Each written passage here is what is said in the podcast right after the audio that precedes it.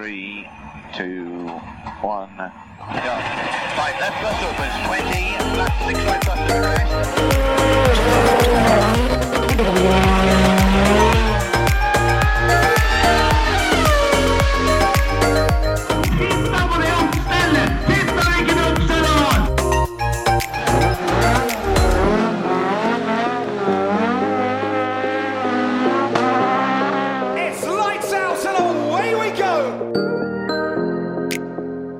Er det sommeren og ny episode av Førermøtet. Hipp hurra.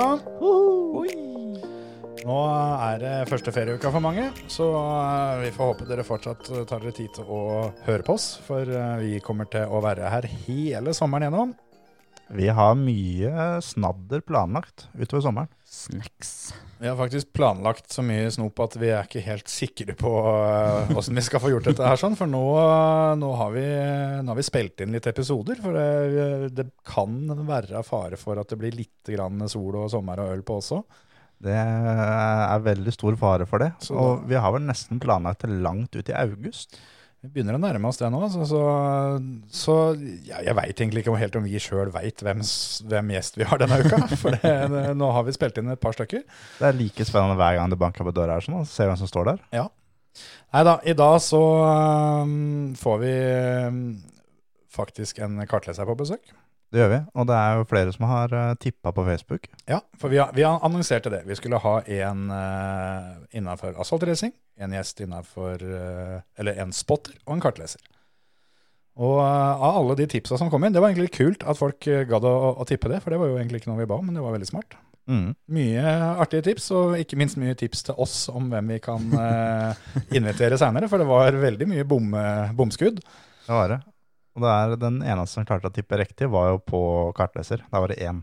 Ja, det var vel et par forskjellige tips, men det ene var eh, spot on, dønn riktig og helt i orden. For eh, i dag kommer Veronica Engan. Det gjør hun. Det er Vår en, uh, første kvinnelige gjest. Det er faktisk helt sant. det er på tide. Ja, nei, da, da var det jaggu på tide. Vi får, eh, vi får steppe opp den biten der litt uh, på andre sida av sommeren. Og det er altså bare for folk å gi oss tips til gjester. Ja, ja, ja. Hvem de har lyst til å høre noe fjas fra. Mm. Det er mange som sitter på mye bra, bra stories der ute. Og um, vi er interessert i alle sammen. Men sånn eh, kort innpå Canny Crushen, Kjetil. Åssen ligger han der nå? Ja, ja, det kan. Nei, jeg veit da fanken. jeg. Var var jeg 100 brett foran deg forrige uke? Bak? Bak, ja. Ja, ja, bak, selvfølgelig. Ja, da er jeg vel 100 foran nå, da. Da må jeg på jobb, da. Opp i ringa.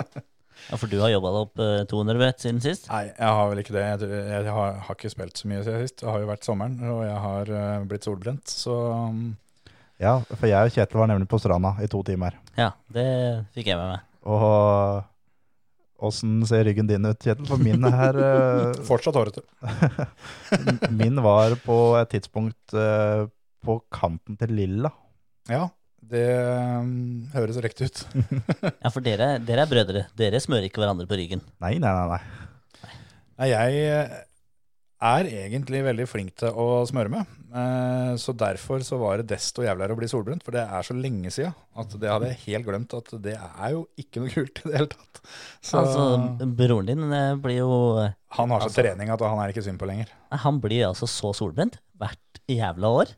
Men det er en veldig kjapp måte å bli brun på. For da er det vondt eh, et par uker, og så sitter den. Ja. ja. Det, Det er ikke å anbefale. Ja, Nei, ja. Rødt blir brunt på nattklubb. Yes. Det er et motto jeg har levd etter siden jeg ble konfirmant. Ja, for det, når vi ble solbrente da på, på fredagen, eh, når vi var en tur på stranda der, eh, så det var jo ikke noe sånt at du lærte av det, for det bare et par dager etterpå så tok du de delene av kroppen som ikke hadde rekke å bli solbrent på stranda. Ja, ja, ja. Da fikk du tatt en tur til Sørlandet og svidd litt armer. Det var veldig deilig å sitte i bil til eh, Kristiansand med å være grisesolbrent på ryggen. Ja, ja, nydelig det. Og så så kjempefint å kjøre hjem med solbrente armer. Ja, det var, det var altså helt latterlig hvor solbrent det var. Men eh, det begynner å bli ganske brunt nå, da. Å, sant? Det er i hvert fall eh, på nedsida av T-skjorta. På oppsida så er det ikke så Jeg ser, nå jeg ser du har på deg T-skjorte ennå. Ja, ja, ja. det- Det ser kanskje ut som at jeg har på meg en, eh, en sånn oransje T-skjorte i dag, men eh, det er sånn jeg ser ut. Ja. Sånn har det blitt. Nei da, så derfor eh, så har det ikke blitt så mye Candy Crush. Så jeg har nok ikke tatt deg igjen enda. Men eh, jeg har vel uh, knappa litt innpå. Nå, nå gjør du dette her til en konkurranse, så nå må jo jeg virkelig eh, ta i litt. Ja, det er konkurranse hvor det kun er én deltaker, for jeg kommer ikke til å gjøre noe mer. Nei, nei, rekord er rekord. Så når jeg tar deg igjen, så tenker jeg du begynner igjen. jeg. Kjenner til det der. Det, så fort du sier deg foran, så er du i gang, tenker jeg. Det, vi kjørte jo da et CSL-løp i simracing i går. Mm. Og på treningene der er det én time trening. Og da eh, satte jeg en, eh, da en bra tid, og så kjørte jeg ikke noe mer. Og så gikk da Thomas Wangen, som var den eh, største favoritten før løpet, gikk ut, slo han tida mi, kjørte ikke noe mer. Så Mm. måtte jeg inn. Så holdt vi på sånn begge to. Kjørte to runder begge to hele veien. Gjennom hele treninga. Det er vel på sin plass å nevne det òg, Terje. For nå, nå sitter du vel her og har fire strake seirer i de fire siste løpa du har stilt opp i. Fire strake. Ikke verst. Da er det Du har kjørt eh, to løp i NRL og to løp i CSL, som er da to, to de, Eller de to seriene du kjører. Ja. Vinner begge. Eller vinner i alle. Har full pott i begge to. Nå um, kom jo ikke det fram på sendinga på det CSL-løpet du kjørte i går, men uh, noe sier meg at det var litt sånn Plogen spesial på gang der. ja, det, det begynte jo inn i første svingen. Da starta jeg bak Preben, som jeg da kjører i team med.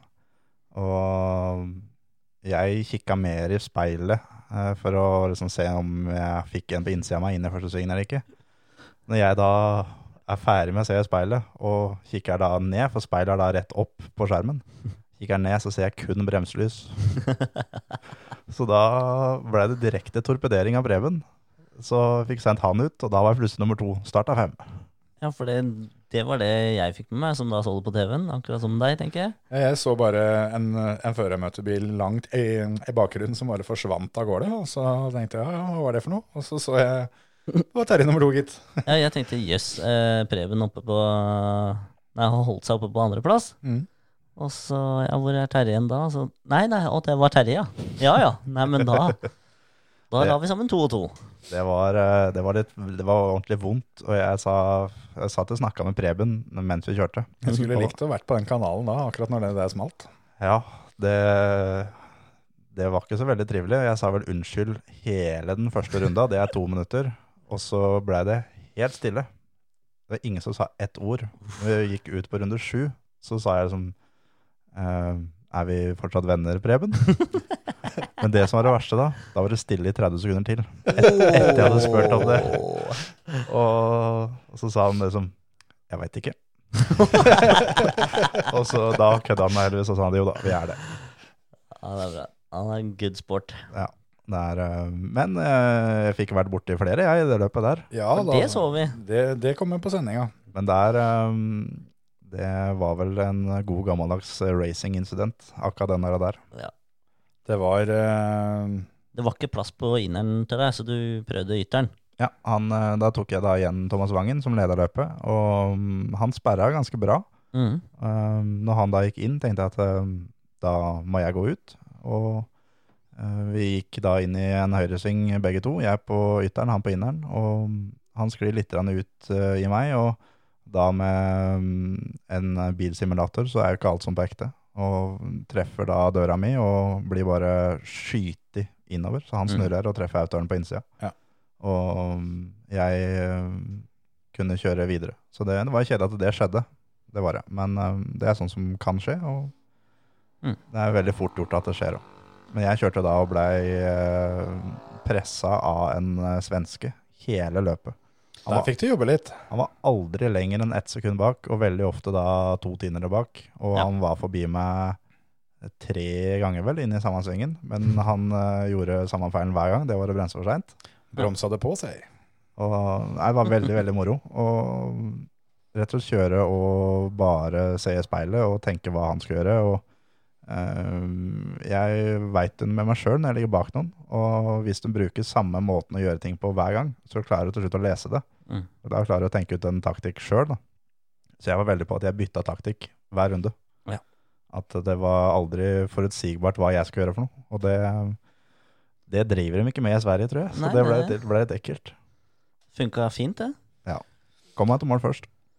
Du eh, har, eh, har ei klam hånd rundt, eh, rundt stillinga i den CSL-cupen nå. For det eh, var jo Preben som uh, var nummer to. Han sendte du av banen, så han forsvant jo. Og du var jo nummer seks fra første løp, Emil. Du stilte jo ikke opp engang, så Han var ikke hjemme i går. Nei, nei.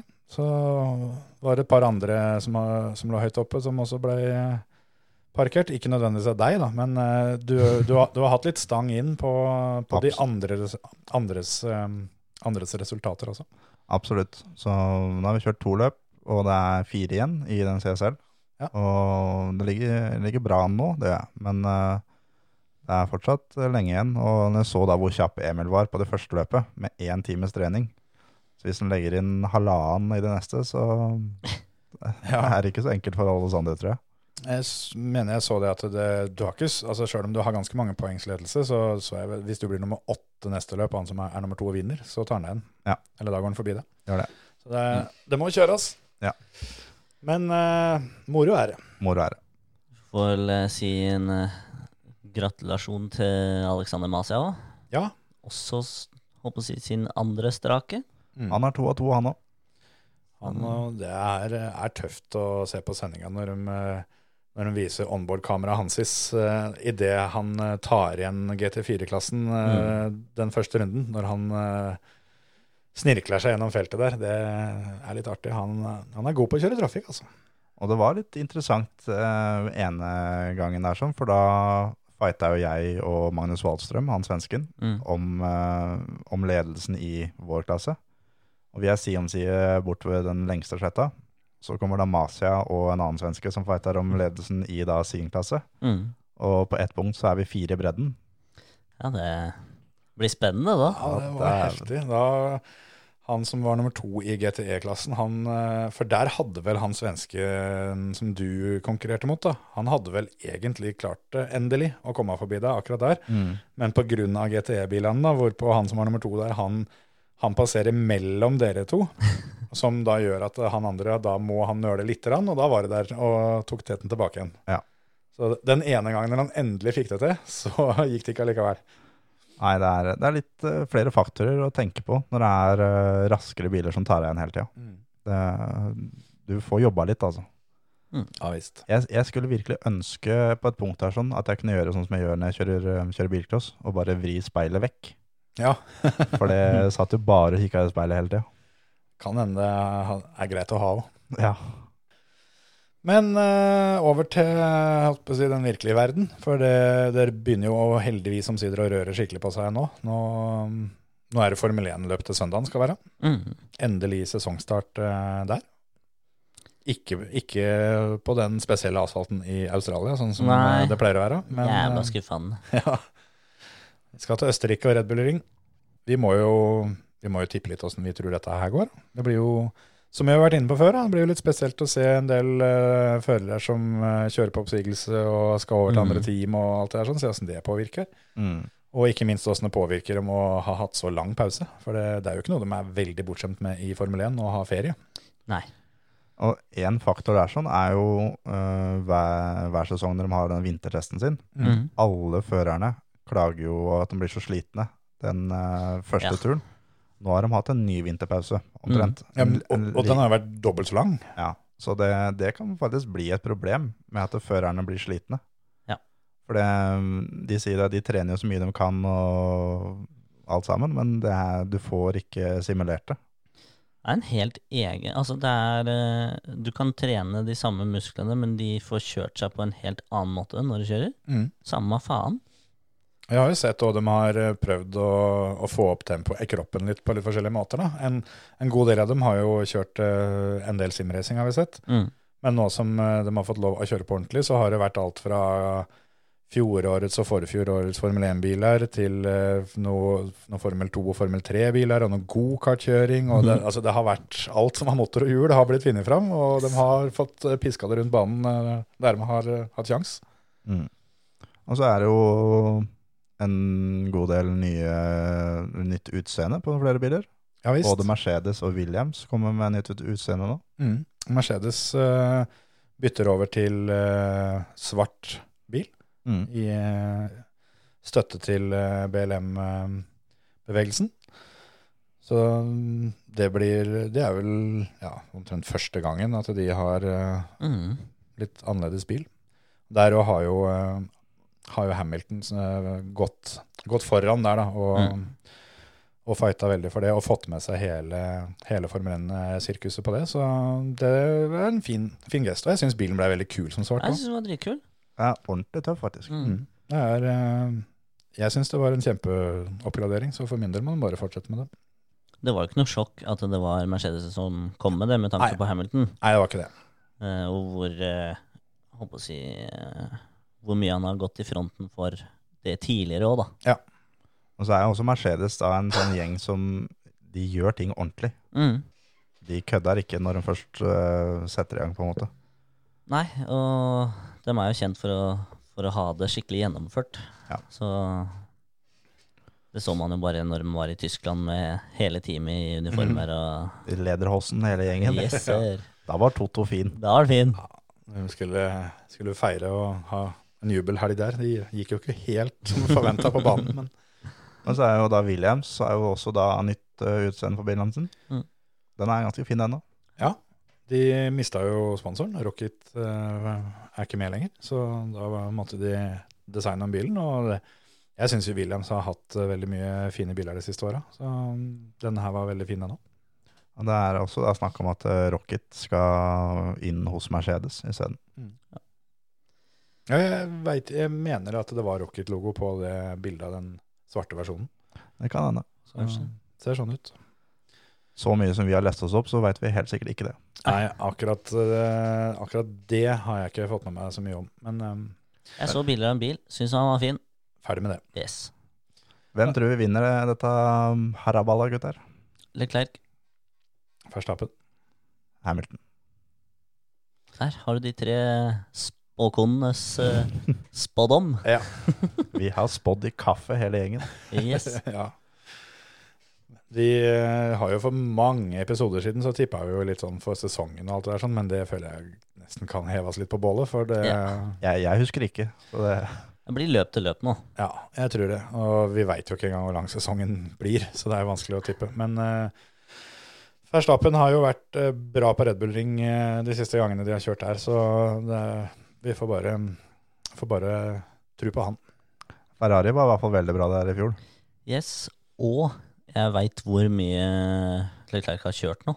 Mm. Altså eh, Spesielt i Sim der. Der har han jo overraska alle, egentlig. Kommet inn og bare blitt nye stjerna i streaming og hele greiene. Han er så god at til og med broren hans er god. Ja, altså Du er rå da når du sitter på Le Mans og spiser på langsida og bare lar rattet bare jobbe fram og tilbake. og bare, Da tok han, en, tok han en eh, yoghurt, tror han ikke det? jo, en liten yoghurt, da, vet du. Han er formann, han der. Ja, Altså. Han er rå.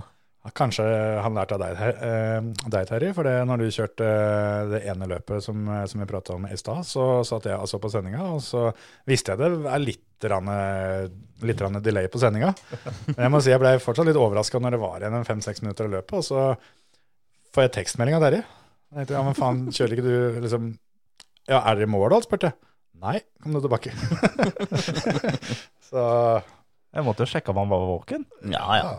Men, um, men eh, det var vel Charles som eh, hadde når han satt og kjørte, og hadde da streamen oppe, og så plutselig så bare ser han ble litt sånn svær i øya, og bare eh, 'Jeg må gå, for dama mi står på utsida, og hun har ikke nøkkel'. Og hun hadde da måtte da betale på den streamen hans for å kunne Yes. skrive en melding med at 'jeg står på utsida'. Hun måtte abonnere på kanalen hans Ja.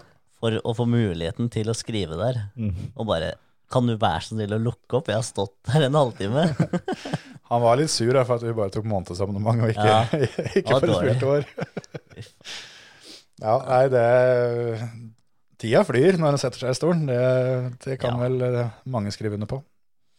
Ja, altså, jeg, tror, jeg, tror han er, eh, jeg tror han er klar, kontra mange andre. Jeg aner jo ikke hva Hamilton har. altså Gud veit, han har jo alle penga i verden til å bygge sitt eget eh, Eller sin egen superrealistisk simulator. Du kan jo til og med få Formel 1-bil som simulator som Mm. beveger hjula, beveger seg alt sånn, og du, Mm. og du eh, går opp og ned og side og side og sånn. Ja, og så, så kan det hende at han har kjørt mye bil på ekte, uten Mm. at vi veit noen ting om det. Altså, det, er, det er litt sånn helt håpløst. Veit jo ikke hva de har gjort for noe. Uh. Det eneste som er at det, jeg tror ikke Kimmy har gjort så fryktelig, fryktelig mye. it's just a hobby. Han har kjørt, It's eh, just a hobby. ja, han har kjørt litt gokart med guttungen, jeg har sett. Det har Ja. kommet noen videoer av det. Kjører CRG, vet du. Ja, ja. Er ikke noe leik. Han, eh, han skjønner hva han driver med, han guttungen òg, ser det ut som. Så. Det kan bli gøy, det. Kjører jo CRG, vet du, så det er klart han gjør det. Ja. Nei, men da har vi også da Hamilton på meg, og du hadde Verstappen. Leclerc. Leclerc. Mm. En av de tre vinner. Ja. Kanskje to av de tre, for de skal kjøre to løp. Eller det er vel ikke før neste helg igjen, det da. Nei, nei, da bare, bare på den første her nå. Første løpet. Dennis Hauger skal kjøre. Ja. Ikke Formel 1, men uh, Formel 3. Ja, Yes. Samme helg, ja. Det blir sesongstart for han òg. Han har vel eh, Han har vel ikke noe mer enn eh, noe, et par dager på den vintertesten. Det er vel eh, det han har fått kjørt Formel 3-bil. Så det blir Mm. spennende. Tror dere stakkars George Russell har noe å by på, da? Etter at han, han har jo dominert og vant jo den e-sports Formel 1-serien de hadde. Hadde han sittet i en annen bil, Mm. så um, han viser jo gang på gang, flere ganger, at han er fryktelig mye bedre enn hva resultatet hans tilsier. Eh, I den derre Greit, e-sport-kontraktet er noe annet, men han har Ja. dominert så til de Ja. grader. Det er ikke noe tvil om at han kan kjøre. Mm. Og når han uh, kjørte da GP2, eller Formel 2, mot da flere av de andre konkurrentene sine, så var han uh, overlegen der òg. Ja. Ja. Og sett han i en, eh, en ordentlig børse, så tenker jeg han sitter. Det er en grunn til at han, eh, at han har prata litt med, med Toto Wolff opp igjennom.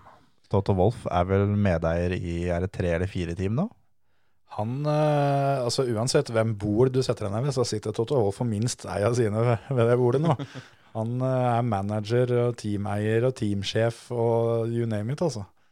Eneste han eh, ikke har, har, har handa på, er vel dekkprodusenten, tror jeg. Hvis han ikke er inne der òg. Det Det kan godt det hende. kan faktisk hende. Men apropos det, eh, har, det- har det kommet fram hvem som skal um, kjøre Renault neste år, eller? Er det, jeg tenkte på sånn som George Russell, er han aktuell der, eller tror du han sitter og venter på det Mercedes-setet? Han venter vel på Mercedes, tror jeg. Det tror jeg. Mm. Jeg tror ikke han går til Renault. Det ville jo Jeg føler det ville vært å gå Altså, alt er jo en oppgradering fra Williams, men, ja. men allikevel så er det litt å gå sidelengs, det òg, føler jeg. Ja, jeg tenkte på sånn som, eh, apropos Toto Wolff, da, som, har, eh, Mm. som er manager for Ocon, som også var, var Mercedes eh, backup, men Mm. som han da putta han inn i det teamet isteden. Jeg føler som på en måte at Williams er nærmere Mercedes enn hva Renault er. Ja, ja, Sånn, sånn eh, utstyrsmessig og sånt, ja. Ja, og kontakter og Mm. fabrikker og alt som er. Måten å jobbe på. Mm. Ja. Ikke minst uh, bilen òg, nå, da. Ja. Tror du, tror du Renault sitter litt på gjerdet med vilje for å se hvordan eh, denne sesongen her utvikler seg, og hvem som er eh, på og ikke? Ja. Sikkert. For- Og så er det sånn at de, de må ikke ha noen førere klare, dem, før ja, et par uker før vintertesten. Mm. Til da 2021-sesongen. Da må de begynne å ha noe klart. Det, ja, da, da må det skje noe. Så nei, de har, de har jo absolutt god tid på seg. Det kan være De, de, gode grunner for å vente òg. de kan faktisk vente til etter den første vintertesten òg, for du kan Mm. da den ene føreren ta hele den første testen. Ja, ellers så har vel også testførerne òg kjørt litt. Vi så vel Kubica var jo inne og, Ja. og kjørte litt på årets test. Så der, eh, jeg tror de kommer nå til å vente ganske lenge, og det er ikke noe vits, vits i å ta noe forhasta Nei. greier her nå. Det kan plutselig dukke opp noe som ikke vi, ikke vi veit om enda, som er litt eh, ting og tang som skjer. Det, det skal jo kjøres en del eh, Formel 2 og litt sånt i år òg. Der er det vel kanskje ikke umulig at det er en, en fører som har tatt store steg i løpet av pausen og skiller seg ut. Sånne ting. Ja. Vi får se. Det blir i hvert fall eh, løp til søndagen eh, vi eh, skal kikke på. Det, kanskje vi skal vurdere å ta oss en tur i hjemmekinoen til Tor Anders og se på løp der. Jeg har blitt invitert hit i hvert fall. Ja, Det er gøy, det. Det hadde vært ordentlig moro. Vi får se, men eh, nok Formel 1. Det har jo skjedd Eller det skjer jo litt andre ting òg. For uh, de skal jo knekke i gang med litt rallycrosskjøring på Høljes til helga. Det skal de. Da er det vel Er det Old Star? Ja, Allstar Magic Weekend, eller hva det heter for noe. eh, Noe sånt noe, som er ikke et VM-løp. Sjøl om VM har eh, kommet med kalender eh, omsider, de også. Vi sa vel det forrige uke at der har det vært helt stilt, men nå, Mm. nå har de endelig satt opp et program der. Så mm, det kan vi ta etterpå. Men først da, så er det en slags kickoff eller oppvarming eller hva jeg skal kalle det, i, i Høljes, hvor det skal kjøres uh, mye bil. Og for et A-lag av førere de har klart å samle sammen der, altså. Der er det én med etternavn Grønholm. Det er to med etternavn Solberg. Det er eh, Valfridsson og Eriksson og Eklund Neville og, og- Neville og Hansen og Det er mye, mye svære navn som er der. Ja, det er det. Det, det er en Det er ikke noe Antonsen. Nei. Nei, eh, dem ringte. Jeg tenkte eh, jeg trengte en helgepause. Så da Og la de andre gutta få lov å Ja, de- ha det moro. et Petter, vet du. Da hadde jeg stjålet plassen hans, og det var ikke, hadde ikke funka. Han skal ikke kjøre. Det var to Solberg. mm. Oskar Oskar Nei, Oskar? ikke Oskar, men eh, Oliver, eh, Oliver og Henning. Oliver og Henning skal kjøre. Henning. Ok. Men Henning også blir grinete, vet du. Sånn, Ja. eh, Det det er ikke hadde noe bedre, blitt, det det hadde heller. blitt så mye Ja, det hadde blitt så mye greier, vet du. Det. Det skal vel eh, Skal Pontus kjøre? Ja. Og um, Bakkerud? Stekka Valfridsson skal kjøre. Andrea skal ikke kjøre, tror jeg. Nei. Han sa jo på vloggen sin at han trente til noe Allstar-greier, men det er mulig det bare var samling, eh, fysisk samling. Ja. Kan hende. Eller så kan det hende han ikke er bare offisielt annonsert ennå. Det hadde vært kult, det. Det var det veldig tøft. Det var ikke Han eh, gjør ikke stort annet enn å kjøre gokart om dagen, så Nei. Det er på tide at han kommer seg inn i noen sekspunkts er der. på tide. Det blir spennende å se, da. Vi har vel fått noen signaler fra han eh, tidligere at han er veldig usikker på om eh, han skal kjøre noe i år, eh, hvis ting kommer på plass. Og nå, nå har, jo, har jo kalenderen kommet, så veit vi ikke enda hva det blir til for Andreas. Men eh, er det 22.-23. august-helga, tror jeg det var, som er første, første løpet. Da er det dobbeltløp i Mm. Høljes først, hvor det er ett løp lørdag og ett løp søndag. Ja. Og så et uke eller to etterpå så er det dobbeltløp i Finland. Det er litt fett, for den banen har vært borte eh, fra VM helt siden første VM-sesongen, tror jeg. Ja. Det kan bli rått. Der eh, har Grønholm eh, trekket i noen tråder og sånt, og fått et dobbeltløp der. Og så ja, var, skal det kjøres totalt elleve runder da, i, i løpet av sensommeren og høsten, så det blir intensivt. Det blir veldig intensivt, og Og dyrt, høres det ut som. det blir jævlig dyrt. Det, har Det er vel mye av grunnen til at Andreas er litt uh, tvilsom til det året her. Det er, uh, det er uh, så mye løp og så kort tid. Det, det er ikke bare bare å, å få penger til det. og Én ting er hvis alle løpa går helt smertefritt uten Mm. en skade på bilen. Det er først når du får en ordentlig skade. Ja. Det er da og den kommer jo. Ja, Ja, ja. Og så er det jo litt det at én ting er sånn som Formel 1, det er jo, uh, er jo gigantiske selskaper og alt det der sånn, mens, uh, mens rallycrossen er jo i stor grad eh, sponsorfinansiert for eh, omtrent alle teama. Så eh, med dagens situasjon så er det ikke bare bare å gå til sponsoren og si det at eh, jeg vet du har permittert 100 mann, altså, men har en million. Mm. Eller to. Eller to, ja. Så, Gjerne tre. Ja, hvis du har det. Ja. Men, eh, Jeg, klar, jeg klarer meg med to og en halv au. ja. Ja, ja, ja. Jeg får gå. Nei, men eh, vi, vi har forståelse for det at det kan være en, eh, en tricky situasjon å, å bli satt i. For det, du må nesten gå og spørre òg, ikke sant. Så Ja. Mm. vi får håpe det løser seg til det beste for alle. Så um, blir det rallycross. Mm. Skal men, vi men, skal, men sånn, sånn apropos, vi pleier jo å ha ukas ord. Um, jeg har forslag at vi skal la Veronica ta ukas ord, at vi skal ta tre Vi, vi kan faktisk ta tre uh, ord denne Ja. uka her. Det kan vi godt. Det Tre, er, tre kartleserord. rett og slett. Hun har peiling på de. Det er Ja, det håper jeg. Jeg tror det. Jeg Skal vi- Skal vi Vi må jo introdusere litt, men uh, før det skal vi bare ta kjapt uh, Vi har jo noen konkurranser som vi fyra i gang forrige uke. Det har vi. Dirt-konkurransen eh, er åpen eh, fram til jeg tror det er mandags midt på dagen, så dere har en del dager på dere fortsatt. Der er det ganske mange som har kjørt. Apropos eh, Thomas Wangen, som du nevnte i stad. Han har jo kjørt, og det var han jeg måtte konkurrere hardest med. For det foreløpig så er det faktisk sjølveste meg som, som leder. Det, det som er fint, da, at det er jo da den som kommer rett bak deg, som får premien. Ja, jeg, jeg har litt lyst på en T-skjorte til Eivind sjøl, altså. Men eh, den, eh, den går, til, går til nestemann, så foreløpig er det Thomas Wangen som ligger an. Men så er det et par sånne eskortkusker som eh, ikke har kjørt ferdig ennå. Det, det er jo lov å ta seg pauser på service, og det kan komme, komme flere å kjøre der. Det er i hvert fall, det er jo fryktelig moro, da. Det må sies. Å kjøre disse bakhjulstrekkerne på de der løypene der nede er noe av det artigere du gjør på dirt-spillet. Den ene etappa som jeg kjørte, det tror jeg faktisk er det kuleste jeg har gjort uh, med ratt og pedaler bak en PC-skjerm. Ja. Det var altså så moro. Så det, Jeg skal inn der, jeg òg. det er altså sladding og herjing og henda fulle av ratt begge veier, opp og ned, og raggen går, for å si det sånn. Du kan vel, altså når du, når du ikke veit Altså du kjører ei prøve som kanskje er 5-6 km lang, da, og så veit du ikke helt eh, hvor den Scandinavian Flicken starta og hvor, hvor han slutta, for den, den går liksom i 2-3 km jevnt innover der. Så det er, eh, nei, det er gøy. Så kom dere inn på, på Dirty søk opp Forermotepodkast Forermote-podkast og klin til. Det er fryktelig gøy, og ikke minst, da, det er premie til vinneren. Det er det. Men vi har jo hatt eh, flere konkurranser gående. Ja visst.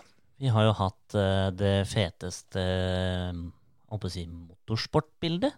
Ja, stemmer det. Altså da alt som innebærte motorsport, for så vidt. Rubbel og bit, der er det vært mye snop å ta av. Der var det vel, er det vel da TK Sport som har sponsa et eh, sett med skikkelig fete kjørehansker. Mm. Og der, med, det bildet, med den konkurransen så var da kriteriene at man skal se bildet og skjønne at her er det motorsport. Du Ja. skal ikke skjønne at det er, du skal ikke tro at her er noe kjøring langs veien eller, Nei. eller noe sånt.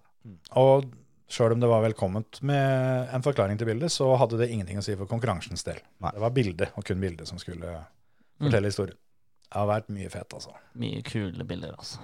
Veldig mange har lagt ut bilder av seg sjøl òg. Det er litt stille, det, syns jeg. Mange, mange som, eh, som har bidratt der. Og det, det er jo litt det vi var ute etter i den forrige konkurransen som vi måtte stryke. eh, hvor vi var ute etter eh, opplevelser. Det, Folk kommer litt, uh, litt seint til bordet på en måte der, men eh, veldig gøy å se når folk poster egne, egne opplevelser der. Veldig bra. Og vi har, eh, etter mye diskusjoner på kammerset her, Ja, det var faktisk så det nesten ble fysisk. det, det var nesten så Kjetil lada feite på meg. ja, det var Ja. Men Det blei kåra en vinner. Det gjorde det. det gjorde det. Og øhm, bildet er tatt av Jan Holsagen. Mhm. Eh, jeg er litt grann usikker på om vinneren, eh, han som har posta bildet, er med på det bildet sjøl. Han er i front. det er han i front, ja. For det er jo to, eh, to alternativer som kunne vært han der. Det er i hvert fall Tommy Odden som har publisert et bilde fra første sving på Basseråsen motorsenter i Kongsberg, når det kjøres bilcross. Eh, Det var ikke i går dette skjedde, for å si det sånn. Det er fire bobler, eh, eller det er tre bobler i tet og ei boble eh, som ser på fra fugleperspektiv. Eh, Et, et stillbilde der midt i en rulling, og det er sprut fra bakhjulet. og det, det bildet har nesten alt, altså. Han er så høyt, han som ruller. Han er eh, over de andre bilene. John heter han, ser jeg det står på døra. Og eh, du ser jo at uh, pakninga til frontruta henger som en sånt slips uh, over bilen der. Så det der er et bilde som, eh, som har det meste, rett og slett.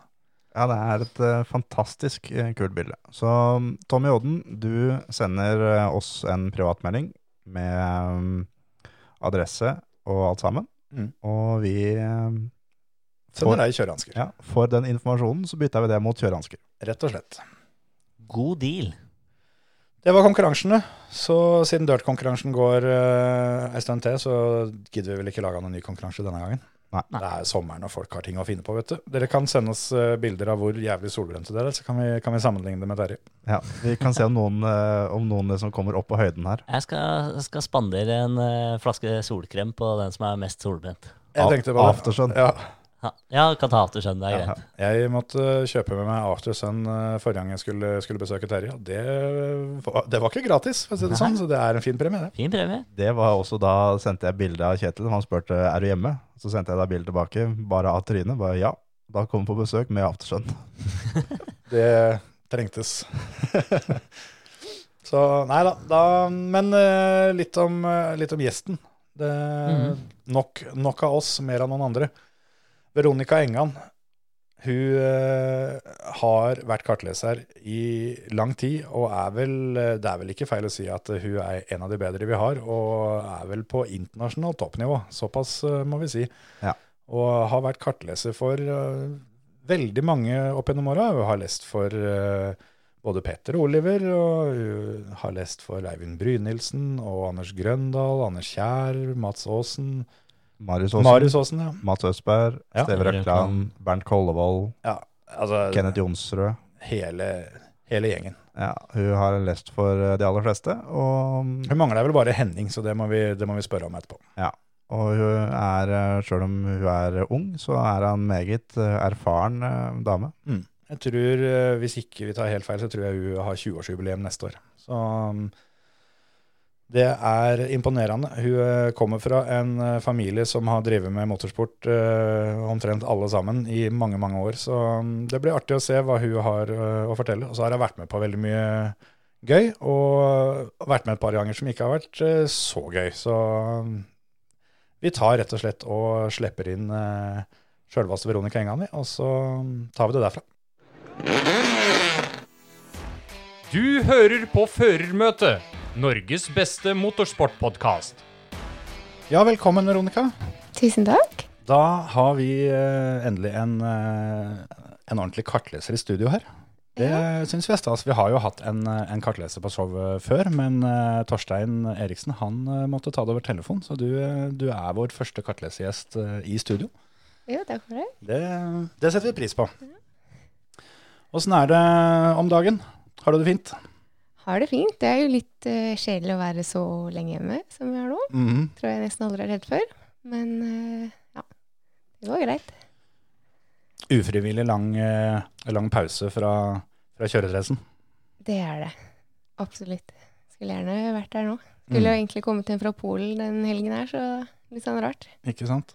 Er det sånn nå i den pausen at du tar på deg kjøredressen litt sånn innimellom, bare for å ha den på? Så gæren er jeg ikke. Nei, da er det bare meg, da. Men, Sitter eh, ikke og spiser middag, lørdagsmiddagen i kjøredress, altså? Men jeg må innrømme at når jeg er nede i boden og henter ting og sånn, så ser jeg litt på hjelmen og kjører skoene og klokka og litt lyst til å ha det på, egentlig. Ja, for kartlesere, der, der kjører klokke. Ja. Ja. Og så rosa klokke jeg. Rosa klokke. Er det, jeg har sett flere som kartleser som har flere klokker. Kjører du én eller flere? Flere. En på hver arm. Får liksom full kontroll. Det der, der har jeg lurt på, for det, da jeg debuterte som kartleser, så hadde jeg et uh, analogt uh, vanlig armbåndsur, Ja. og skjønte jo fort at det var ikke helt veien å gå. Uh, men hva er det optimale antallet klokker? For meg er det en på hver arm, og så har jeg alltid to I hvert fall én sånn med meg i bilen, og så har jeg to på serviceplass. I tilfelle det går tom for et batteri eller to. Både fordi Og det har jo faktisk skjedd med at begge klokkene stoppet sånn cirka samme tid når vi skulle inn på eh, service på morgenen eh, i Spania, når jeg var Marius den helgen vi vant uh, Dima-cupen. Så det var litt sånn der Da blir man litt stressa. Ja, det kan jeg tro. Men eh, nå ordna jeg det seg òg, da. Men, eh, og så er det jo liksom Man bruker jo forskjellige funksjoner på klokka, så det er det jo praktisk å ha en på hver arm. Slipper du å bytte om sidene hele tiden. Mm. Hva er spesielt med klokka på venstre arm kontra høyre? Den på venstre, den bruker jeg til å eh, ta tiden på prøvene. Og så ser jeg på hva tiden er sånn Ja, når man skal inn på tidskontrollen og eller forskjellig sånn. Og den på høyre, der har jeg alltid sånn regner ned tiden til neste eh, TK, da. Mm. Så jeg vet hvor lang tid vi har når vi er på en road Jackson eller ja, et eller annet sånt noe. Noe skulle skje. Har du eh, tatt i bruk noen av disse appa som, eh, som har kommet, som skal ta seg en del sånne ting? Jeg har prøvd, når vi har vært på gjennomkjøring, prøvd sånn tripp og litt sånn her men uh, For noen ting er jeg litt gammeldags, da. Det er jo ikke feil å, å finne ting som funker og holde seg til det heller, da, kanskje? Nei, det er noe med det også. Jeg husker han eh, Nicolas Gilsol, kartleseren til Terneville, han sa det en gang i et intervju at eh, når du har funnet din måte som fungerer, så er det jo ikke noe vits i å så gjøre om på masse og ja, egentlig bli usikre når du har en rutine på ting, da, Mm. og vet hvordan du skal gjøre det. Så det, og det syns jeg er litt eh, riktig, det han sier. Mm. Så du er ikke med på den der å, å være med på alt det nye som kommer og sånn? Jo, absolutt, det er jeg òg, men eh, ja, må liksom kanskje sile ut noen ting, da. Ja. Ja. Mm. Det, det er kanskje sånn at det er nødt til å være veldig bra for at det skal overta fra det du allerede gjør. Ja, det er litt sånn. Mm. Så for eksempel at jeg vet eh, hvordan jeg, eh, at jeg At jeg lager inn alle prøvene på Google Maps og lager liksom mitt eget sånn oppsett og for, forbereder meg til gjennomkjøring og sånn. Det er jo en, en fin ting som man kan bruke apper til nå. Men så er det jo mye, heldigvis da, for min del ennå, at man må gjøre mye manuelt som kartleser. Så Mm. Det er jo en annen ting, for det, det finnes jo rimelig mye, mye forskjellige notesystemer der ute. Har du, har du ett eh, du alltid har holdt deg til, eller er, eller er det noe du må bytte etter fører? Det er jo noe man må bytte etter fører, men så har jeg jo også kjørt med stort sett bare norske sjåfører. Så jeg har jo vært vant til ett system, da. Mm.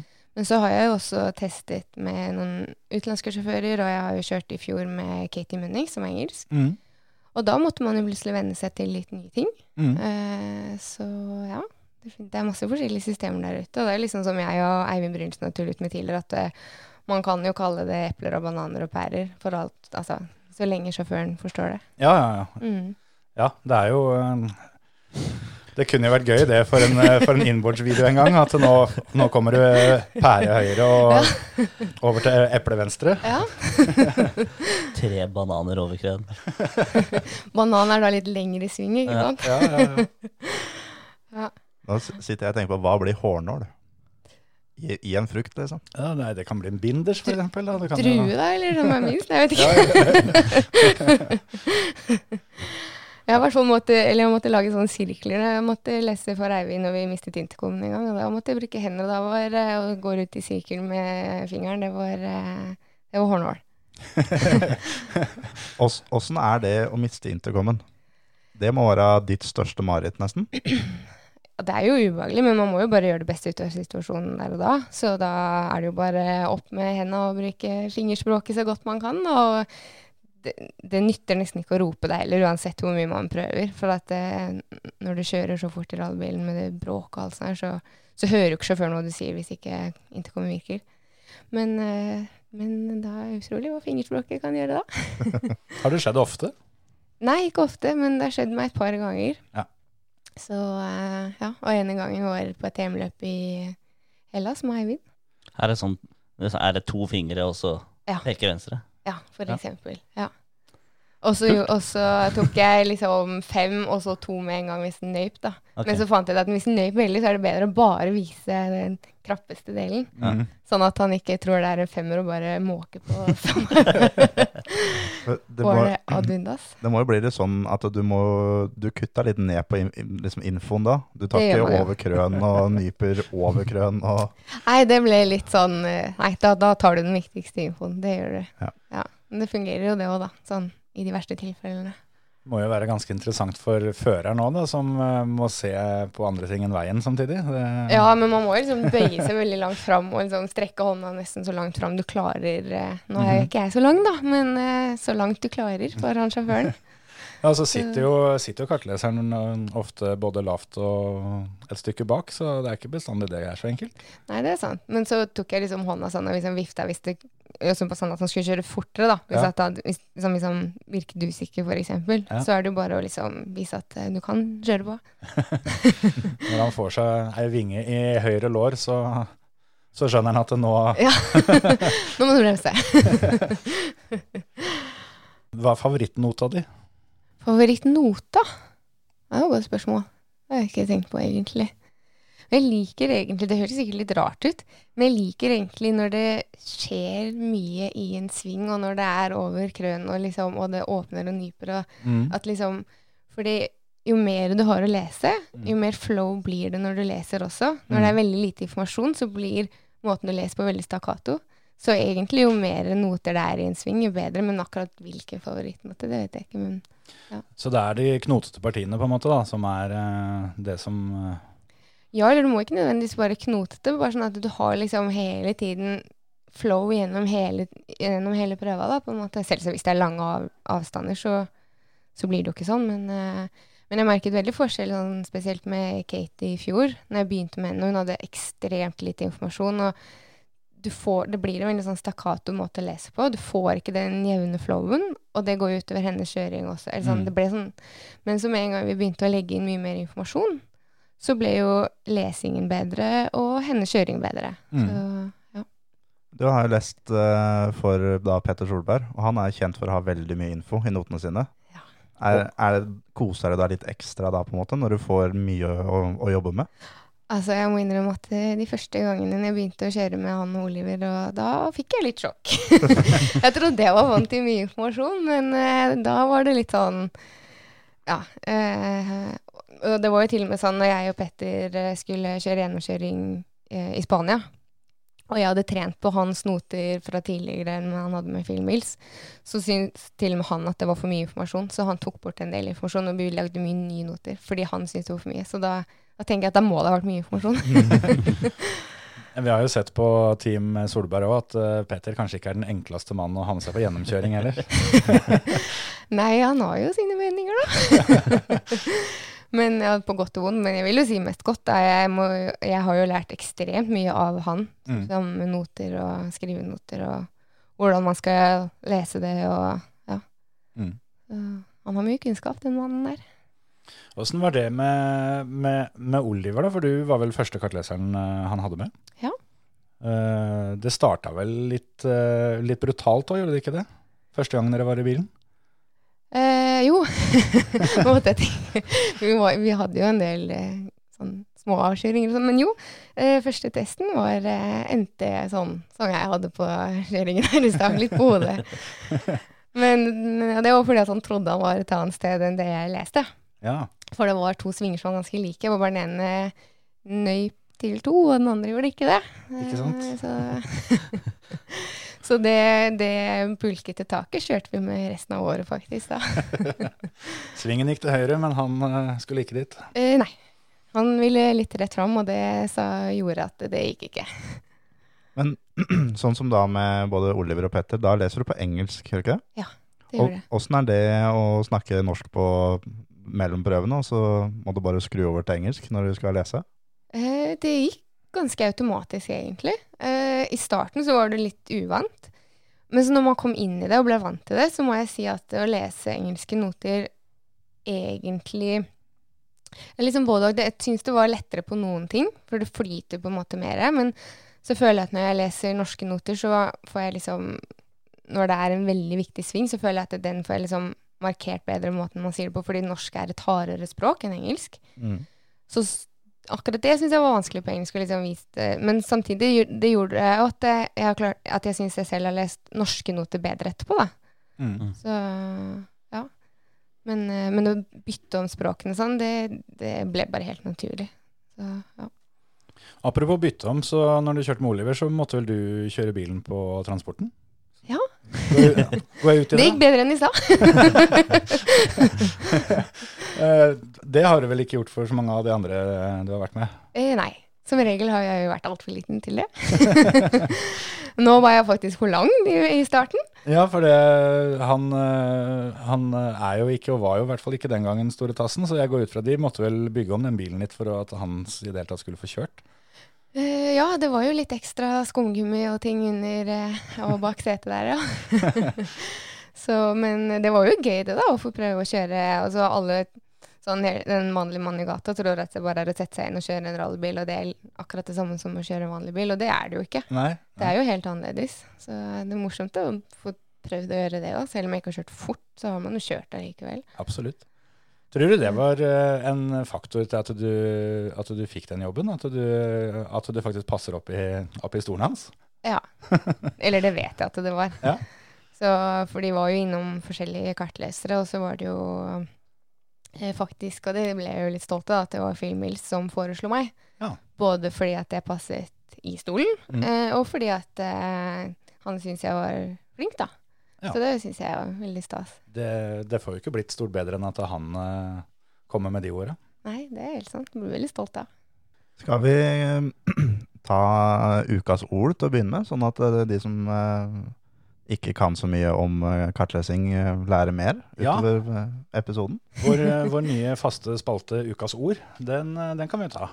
Spennende. Skal vi ta en trippel denne uka? For jeg har tre fine som egentlig passer. Ja, det kan vi gjøre. Skal vi begynne med noter?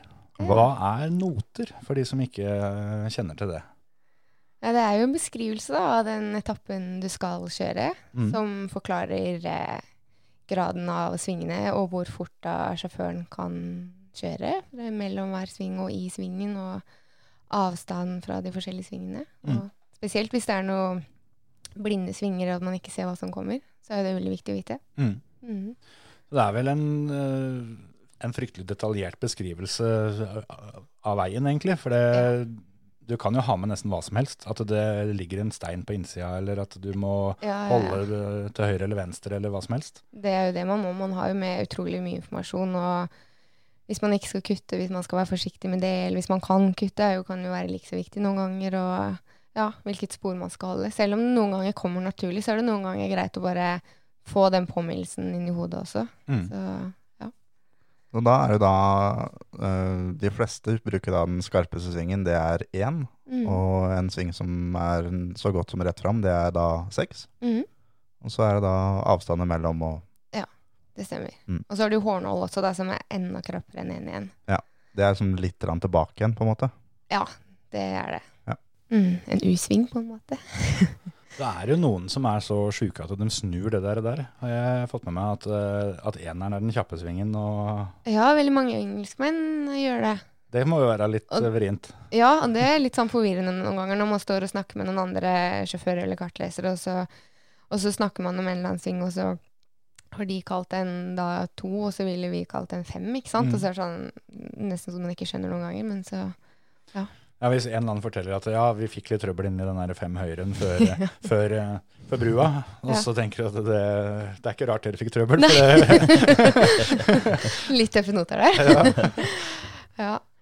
Nei, men, eh, men det er egentlig bare sånn som jeg vet eh, engelskmenn som gjør det, og så har de jo franskmenn, bruker jo grader. mm. Og så har du når jeg testet med Kevin Ebring, han bruker jo et veldig rart eh, system hvor han bruker alt fra 10 og opp til 20, og så bruker han 25, 30, 40, 50, 60. Såpass. ja. Veldig forvirrende, spesielt når du da han har da sving, altså um, høyre eller venstre før det, så når du da har avstand i tillegg etterpå, så Mm. det var vanskelig, faktisk. For det la jeg merke til når eh, jeg så noe inboards her eh, på slutten av vinteren fra Mathias, e Mathias Ekstrøm, var vel det. Som, eh, og da, da så jeg det at de, de hadde høyre-venstre først, og, Ja. og så graderinga. Og da husker jeg tenkte at men det var jo kanskje ikke så dumt, for det er jo på en måte det første du skal tenke på, er vel hvem vei du skal, og så Jo, men det husker jeg øh, Jeg snakket både med Oliver om det noen ganger. For jeg husker han sa i starten sa han du må si, For meg er det viktigste at tallet er det som er det tydeligste du sier. Det blåser i høyre og venstre. Ja, for tempo inn, så Ja, og, og når jeg begynte som kartleser for Katie, så hadde hun det sånn for eh, i England og i Sverige så har de det jo likt, hvor de sier høyre eller venstre først, og så Mm. graden. Men da hører du jo altså Som regel så ser du også litt om det går til høyre eller venstre. Det aller viktigste er jo om, om du vet at det kommer en ener eller toer, og du virkelig må mm. eh, bremse ned, da.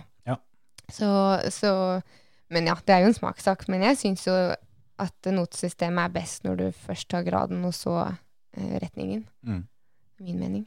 En annen ting eh, som vi kan ta da som eh, ukas ord, for det, hvis jeg prater med holdt på å si vanlige folk, eh, og vi, og vi kommer, eh, kommer en, eh, en på rally, så får jeg ofte høre om den der, ja, nyper over krøn.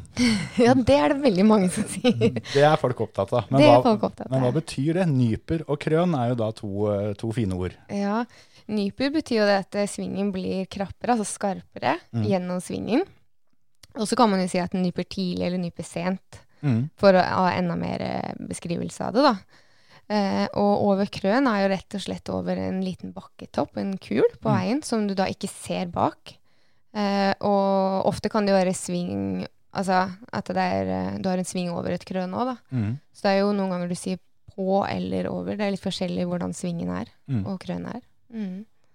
Som også kan jo være en viktig detalj. For det kan jo nype på krøn, for eksempel. Ikke sant? Ikke over. Det er også to forskjellige ting. Ikke sant? Ikke sant? Så der kan det da en note være fire høyere nyper til tre over krøn. Mhm. Men så kan den jo også nype på krøn. Da nyper den jo ak- kan du si at den nyper apex på krønnet i svingen der, liksom. Da. Mm. Men så nyper så liksom nyper den på en måte sånn over krønnet. Nyper tror jeg kanskje er kuldeste note jeg vet om. Så du åpner, da, som er jo da det motsatte av nyper, da. Mm. Det er jo like viktig det noen ganger. For i forhold til plassering og om du kan gå hvor tidlig du kan åpne svingen. Ja, det er, eh, det er en del info der. Altså det, et krøn blir jo da Det er jo da det som er som du sier, en bakketopp, men ikke, ikke såpass at du hopper. For da heter det hopp. Nei. Da er det hopp. Men så har du jo lite krøn og stort krøn også. Mm. Eh, også Eller langt krøn. langt krøn kan du også. Og så er det noen ganger du har store krøn. Hvis du kommer i riktig hastighet, så hopper du jo. Mm. Eh, noen ganger kan du få deg en overraskelse ved at du ikke hadde trodd du skulle lette der. Mm. Men, eh, men ja, så Og så har du jo spredt, da. Mm. Som er liksom Det er jo forskjellig Og gupp. Og gupp. Men det blir jo da motsatt av krøn, ikke sant? Da Ja, er det jo en liten, et lite søkk i, eh, i bakken. Ja. Mm. Jeg føler eh, ukas nyordspalten eh, fikk kjørt seg litt nå. Det, Det ble var mye, bra. mye å jobbe på for et par her som aldri har hørt dette før. ja, ja, nei, men det er derfor vi har det. Men det er jo sånn da med noter, så, sånn som deg, Emil, som ikke er sånn veldig sånn rallymann. Så når du kjørte gokart, så var det ofte som vi snakka om at uh, den svingen der borte, den, Mm. er, den nyper jo. Mm. Så nyper er jo, har jo blitt et vanlig motorsportsord, da. Ja, det er faktisk sant. At flere i alle grener bruker det. Mm. Det er sant. Det kommer nok sikkert fra at man har hørt det som At man har hørt at en kartleser sier det, og så er det jo naturlig å forklare veien på akkurat den måten. Mm. Så men det er veldig mange sjåfører da, som har holdt på med gokart, eller vet, sånn som Andreas Bakkerud, som med rallycross og plutselig skal kjøre rally, så tenker de det at fordi man er god til å kjøre bil, så skal jo det gå bra. Men så er det plutselig det å få inn notene, så blir jo det helt annerledes, da. Mm. Skal høre på alt det. Jeg vil jo tro det er den største utfordringa for, eh, for alle, enten de eh, har kjørt mye eller ikke kjørt mye. Det å, å ta til seg informasjonen. Ja, absolutt. Det, Det er der en viktig altså, Det er der eh, som kartleser at du, har vikt, at du klarer liksom det med timingen, og du vet når sjåføren ønsker og skal få notene, hvor tett og hvor fort du skal lese, da. mm. Så er det noen som ønsker at du skal komme veldig nærme på svingen, og så er det noen som vil ha det tidlig, og at du det heller repeterer, og så Det der repeteringsgreiene, det har jeg alltid tenkt er litt sånn derre eh, plundrete. For det, du skal ha ganske kontroll der for at eh, ikke sjåføren tror at det er to svinger. Ja, men jeg tror det er måten du sier det på, Mm. uten at man må si jenta. Eh, Jeg husker Marius sa det til meg fordi Ola Fløne har pleid Jeg husker jeg har sett, på, vi har sett mye på innboard med eh, Andreas og Ola. Mm. Og da, da gjentar han nota, men, på, men bruker tonefallet annerledes. Ja. Og da skjønner du det at eh, når du sa akkurat det samme, da, at det er den Altså du bare minner på at det er det som kommer hvis det er en viktig sving, da. Mm. Eh, og så liksom hvis, det, hvis du repeterer tidlig, og det liksom, da sier man det jo, men eh, Men ja, du, du gjentar jo da bare liksom rett før svingen, og da skjønner som regel sjåføren det at du gjentok bare det du kommer til akkurat nå. Mm. Ola er uh, helt ekstrem på å gjenta, faktisk. Ja, Det er når, Noen ganger som jeg ser innbords her, sånn, så mener jeg at det her er egentlig nesten litt for mye. For det virker som han gjør det hver gang han har en pause sjøl. ja. Ja, det er liksom både òg. Jeg, jeg er enig i at det kan, bli, kan virke litt mye noen ganger. Men jeg har forstått det sånn på en del sjåfører at de også syns det egentlig er litt behagelig. Fordi noen ganger så kan de spørre hva er det som kommer her? Så istedenfor at de må si det og bruke tid på å liksom fokusere på det, så i stedet så bare sier vi det eh, av oss selv, da. Mm. Så jeg vet at Marius for eksempel syns det var veldig fin Eller liksom, når vi begynte med det, da, at det var en veldig fin ting å gjøre, da. Mm. Så, Så er det jo kanskje litt det sånn som du var inne på, det med bare å holde praten i gang for å, Ja. for å finne, finne en flyt og en rytme. mm, absolutt. Så, Men Mens vi er inne på det, så kan vi jo eh, stille spørsmålet hvordan syns du det var å følge noter selv på denne dirt-challengen? du vet hva, det var helt forferdelig. Fulgte du notene? Ja, jeg prøvde jo da, men det var jo det der med å ta imot den informasjonen, og så skal man kjøre Altså, nei, vet du hva, det Jeg har liksom tenkt at det kan da ikke være så vanskelig, men det, de ordene der skal jeg ta tilbake nå. Altså, det føler meg skikkelig teit som har tenkt sånn mange ganger, og ikke alltid skjønt hvorfor sjåfører, sjåfører liksom spør om repetisjon eller sånn. Mm. Men, eh, men det, det skjønner jeg. Det er ikke bare bare å følge Nei. med på, på alt sammen. For du skal, jo, du skal jo kjøre, og du skal gire og eh, ja, ta til den informasjonen. Det er jo mye jobb, da. Så Mm. Ja. Men du har, jo, du har jo kjørt denne challengen vi har, ja, og um, det gikk ikke bra. det er for, fortsatt Jarl Teien på toppen. Ja. Med 3.12,936.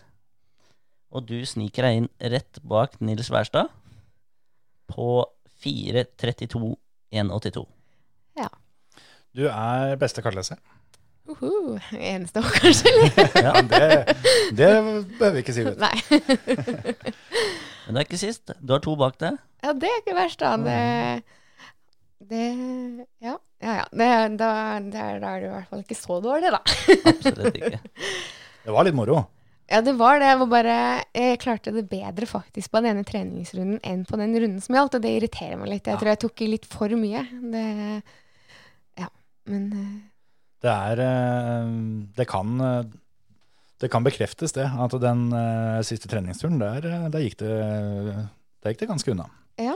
Så, men nå endte det vel med et par turer i skogen og litt tidstillegg og litt sånne ting. Så det, derfor så Da går klokka fort.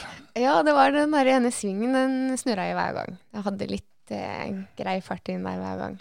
Der burde Phil Jeg har egentlig lært at man skal liksom holde farten inn så lenge som mulig. Liksom, bremse så sent som mulig. mm. Men det gikk åt skogen hver gang. Men der burde Phil lagt inn en, en liten caution, kanskje. Ja, han sa jo slow da, for så vidt, men jeg hørte ikke helt på det. Når, eh, når dere kjører gjennomkjøring og, og lager notene, uh, hvor mye av det er føreren, og hvor mye av det er kartleseren, egentlig? Nei, det er jo mest eh, sjåføren. I hvert fall første runden. Og så er det jo litt avhengig av hvor erfaren sjåføren er, da.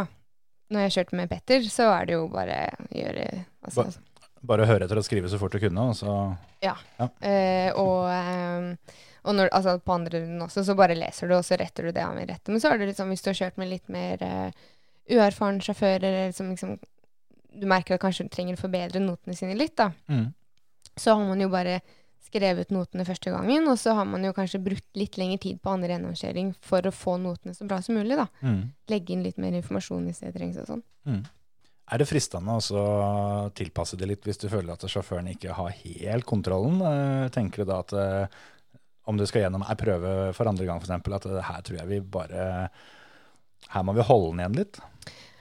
Kanskje ikke så mye holde igjen, men egentlig mer sette på mer informasjon hvis jeg vet at han har lyst altså, For man vet at man har lyst til å kjøre så fort som mulig, sånn at han skal klare det.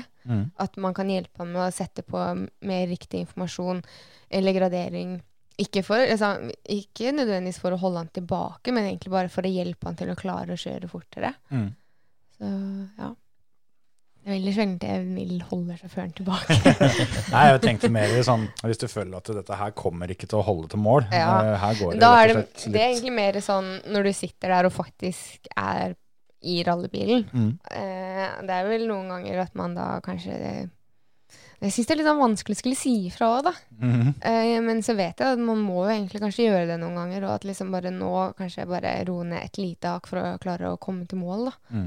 Den sitter litt langt inne og skal si ifra. Men eh, Og så tror jeg, føler jeg litt sånn Som jente også, så har jeg ikke lyst til å gjøre det. At en mann hadde gjort det. For eksempel hvis Ola Fløne skulle sitte på, så tror jeg ingen hadde tenkt på at han hadde sagt 'nå roer du ned et par hakk', men jeg føler at jeg som jente ikke kan si det, for da blir det litt sånn sånn at jeg skal virke At jeg kan virke pysete eller Mm. sånn. En litt Hvis jeg høyere terskel. Ja. Ja. Men åssen var det når du da kjørte sammen med, med um, Katie? Når, når det er to damer i bilen? Ja, Er henne er, måtte jeg pushe. henne måtte jeg si at jeg ikke skulle eh, bruke håndbrekket hele tiden. Og hun brukte håndbrekket eh, liksom på vei ut av svingen. Så da mista man jo all farten. Så du ser på henne nå at jeg slår bort hånda hennes. til slutt. men, var det liksom enklere der å ta den rollen med enten da pushe på mer eller roe ned fordi at det var en dame som kjørte? Eh, nei jeg vet ikke. Altså, jeg hadde fint gjort det samme hvis det hadde vært en gutt som kjørte på samme måte som henne. Men eh, det var jo bare at veldig mange ganger når hun kjørte, så virket hun veldig usikker, da. Og så var det sånn når vi kjørte på test, så kunne hun virke veldig sikker og kjørte egentlig bra. Så når vi kom da og skulle kjøre selve løpet, så bare var det liksom som om alt vi hadde trent på, var borte. Og da måtte jeg jo pushe henne. Mm. Eh, men også der tror jeg det er litt sånn forskjell på gutter og jenter. Dessverre. Jeg vet jeg kanskje blir, at jeg setter det litt sånn i boksen, men det er jo litt sånn at det, gutter er litt tøffere enn jenter på sånne ting, da. I hvert fall min erfaring. Mm. Eh, jeg sier ikke at jenter er dårlige sjåfører, men det er bare at eh, gutter gir litt mer F, da. Eh, og bare tenker ikke konsekvenser på samme måte som det mange jenter gjør. Så Det stemmer sikkert bra, det, noen ganger. Ja, det gir jo mening. Ja, jeg vet man skal være litt forsiktig når man sier sånne ting, men jeg sier ikke at jenter er noen dårlige sjåfører, som sagt, men bare at eh, de er litt mer forsiktige noen ganger, da. Ja. Mm. Kommer kanskje til mål litt oftere òg. Ja, det, ja det, nå, det kan jeg ikke skryte av i fjor, men ja. Tror dere brutt så mange ganger som vi gjorde i fjor. Jeg kikka litt på, på det der, sånn, og øh, nå er det ikke alle løpa dine, tror jeg, som øh, er ført opp på den der E EVRC-sida. Jeg tror vel du begynte litt tidligere enn det som står der, blant annet. Men Det stemmer. der var det vel noe sånt som 169 starter eller noe sånt nå, og så telte jeg vel at bare en tredel av de løpa dere har brutt, har vært fordi dere har kjørt av veien. Eh, Ja. Ti ganger øh, var det vel totalt der, over ganske mange år. Ja. Og det Da vet du mer enn meg. ja, nei, jeg, jeg bare satt og kikka på den sida, og, så- og så la jeg merke til at det, det er ikke så ofte den bilen her går av veien, tenkte jeg. Så her er det tydeligvis at det, det blir levert eh, på høyt nivå, sånn at det, dere stort sett kommer til mål. Ja, det er for så vidt sant, det. De gangene det har gått av veien, så har det gått skikkelig av veien òg, men, eh, men eh, ja. Ja, for det, det òg tenkte jeg på at eh, ja, et, par av de, et par av de groveste avkjøringene jeg har sett, tror jeg, har jo du sittet på. Ja. Og kan, vi kan vel ta den med Anders eh, Kjær først. Da, da fikk dere vel rett og slett en overraskelse som ikke sto i notene? Var det ikke det som var årsaken der? ja. Altså, jeg hadde ikke med den krasjen i noten, nei. Nei, nei jeg tenkte på, tenkte på det som førte til det. Nei, jeg skjønner. Um, ja, det var sånn Det var veldig uvant, for at eh, det var jo, jeg jeg hadde jo kjørt en del ute og sånn før det, men ikke Det var sånn uvant at de setter opp faktisk et hopp etter gjennomkjøring er ferdig. Det har jeg aldri vært borti verken før eller etter. Um, og det kom jo bak et krøn, så, vi, så når Anders så det, så var det for sent. Og vi hadde jo 170 km, for det var ganske raskt parti der òg. De hadde rett og slett satt ut ei rampe for at det De hadde satt ut en rampe, ja. Uh, og så automatisk så bremser man jo når man ser noe sånt, ikke sant? Men Ja. da kom jo bare rumpa opp, og fronten gikk ned, og ja, vi rulla jo framlengs ganske mange ganger. Mm. Det var eh, også som meg som kartleser. Jeg var jo lenger framme og hadde begynt å lese den sjikana som var eh, etter den neste svingen, og liksom Jeg var jo videre på prøva. Mm. Og plutselig så bare er det jo akkurat som om noen kommer og smeller et balltre i hodet mitt. Og Mm. jeg var totalt uforberedt på det. Så det var veldig ubehagelig. Ja, for det, det er jo ikke mange tidels sekunder du uh, får på deg der, regner med. Hvis du, hvis du ser ned på papirene dine, og så kjenner du kanskje at det kommer en, eh, en hard brems du ikke var forberedt på, og, og så er det egentlig gjort. Ja, og, og- men jeg merka ikke noe før, før fronten smalt i bakken heller, da. Nei. Sånn når jeg kjørte, når jeg og Marius, når vi mistet bremsene på svenskerallet, så traff vi en sånn eh, steinvegg foran oss. Da rakk han jo å si 'jeg har ikke bremser', og så så jeg opp og så tenkte jeg 'det her kommer til å gjøre vondt'. Oh. Men da rakk jeg jo liksom tenke det, men nå kom det som lyn fra klar himmel, liksom. Det Mm. var, jeg var ikke forberedt i det hele tatt på at vi skulle krasje. Nei. Den med Anders der, sånn, for den, den var jo såpass fæl, og det det som eh, var etterpå, når, når bilen omsider stoppa og sånt her, det var vel litt eh, ubehagelig hele, hele seansen da, var det ikke det? Jo, det var jo veldig ubehagelig. Først så Man blir jo helt fortumla. Begge hadde jo vondt i kroppen. Og, og, så, og så var Anders sånn Han, han svimte jo nesten av, ikke sant? Mm. Og så hadde han masse blod på kjøredressen. Og ingen mennesker som snakket engelsk der, eller forsto engelsk. Eh, og så er man jo altså, Så det var veldig ubehagelig. da. Det er første gangen jeg har blitt sånn ordentlig redd, egentlig.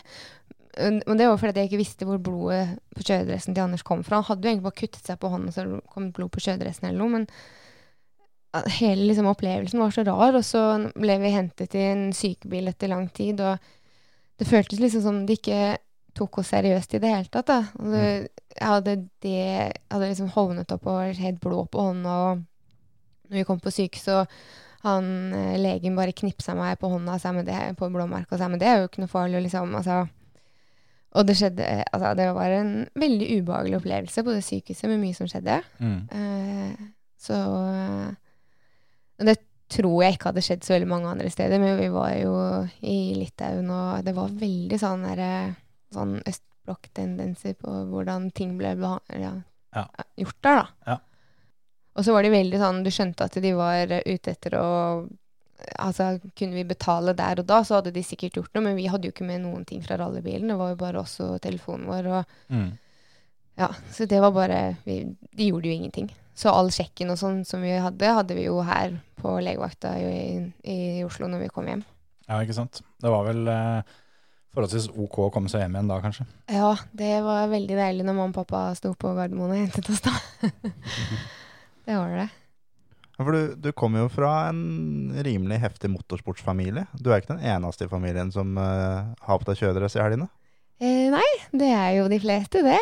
Så det er jo ja, helt tilbake til eh, både bestefar og morfar. Og ja, det var jo sånn mamma og pappa møttes via motorsport òg. Og så har jo søsteren min har jo holdt på, og mannen hennes, altså Marius Aasen. Og i tillegg nå så har jo nevøene mine, som er snart tre og fem år, blitt superinteressert. Så det er jo kjempegøy. Ja, men det er viktig det. Arven går videre. ja, ja, ja. Det er viktig. Det var vel første gang du var kartleser, var vel for eh, faren din? Ja, Det var det. Jeg har jo fått sitte på med han har testet oss før, men aller første gang jeg var kartleser, var for pappa. Mm. Var uh, Rudskog-sprinten, faktisk, i 2001, tror Ja. jeg det var. Ja. Mm. Kjørte vi den grønne Ford Cortinaen til bestefar. Gikk ikke akkurat unna, men uh, det var i hvert fall en start, da. Ja, ja, ja. Merka du da egentlig på den første testen du var med på, at det her skal jeg drive med? Jeg har egentlig sagt det fra jeg var ganske liten. Jeg husker eh, For på søndager så satt alltid pappa og så på enten om det var Formel 1 eller om det var eh, VRC da på TV. Og så var det jo da en kartleser som heter Tina Turner. Mm. Så syntes jo jeg det da var veldig kult at det var en jente som var kartleser. Så da sa jeg at sånn skal jeg gjøre når jeg blir stor. Og så, så da har jeg holdt på det, da. skulle ikke bli brannmann eller sykepleier eller politi, men jeg skulle bli kartleser.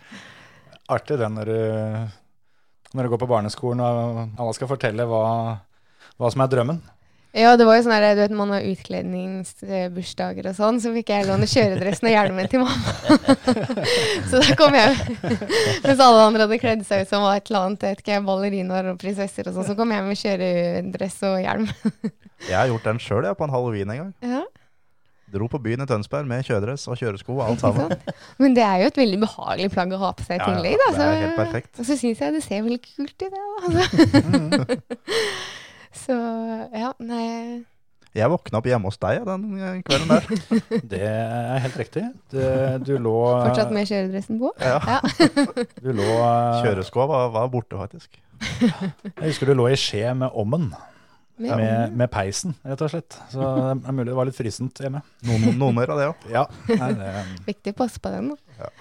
Nei, det Men eh, da du var liten, eh, sånn, har du kjørt noe sjøl noen gang? Noe gokart eller eh, den type ting? Jeg, jeg og søsteren min hadde jo gokart. Mm. Hun kjørte den mer enn meg. Eh, um, men eh, Så jeg har jo prøvd litt.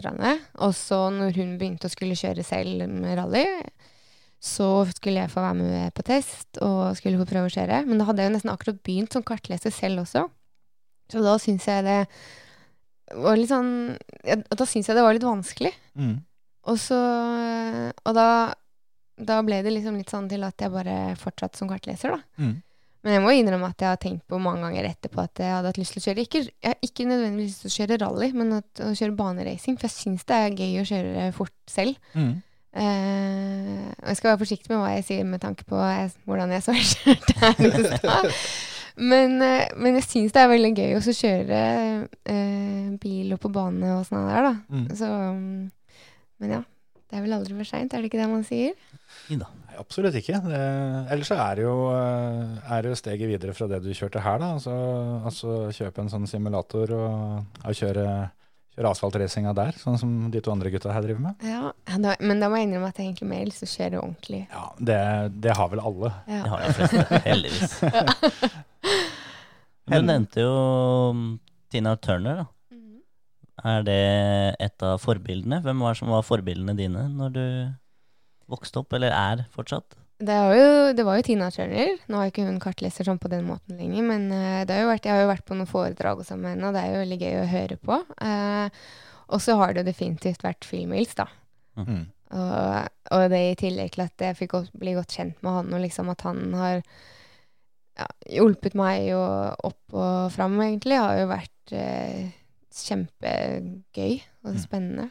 Få den støtten jeg har fått fra han, egentlig. Ja, det er, ikke, det er ikke så enkelt å finne noen høyere opp du, du kan lære av. Eh, Det må vel være, være førstevalget, det. Ja, ja, absolutt. Så jeg har vært veldig heldig sånn, da. Mm. At han liksom tidlig Det er faktisk han som begynte å ta kontakt med meg, og liksom, han har hjulpet meg. Og, så det har vært veldig gøy å sende meg masse inboard hvis jeg liksom har vært uh, usikker på hvordan jeg skal lese, eller Men så må jeg også si at ok, nå er ikke og det høres kanskje litt klisjé ut at pappa er et forbilde, men eh, han er jo den som har lært meg opp helt fra starten av, og hjulpet meg i alle år. og Altså, jeg og pappa kan sitte og tørrtrene med å se på onboard, og jeg leser noter, og er han ikke fornøyd med hvordan jeg leste da, så må vi begynne på nytt igjen. Mm. Så, eh, så det har vært veldig fint å ha pappa som en sånn eh, hjelp og lærermester ved siden av også, faktisk. Det høres ut som noe veldig ålreit sånn eh, familiesammenkomster, da. Lese litt noter og Ja. se på litt onboard. ja. Det, det blir faktisk overraskende lite rallyprat egentlig når vi er eh, sånn, når vi har familieselskaper og sånn.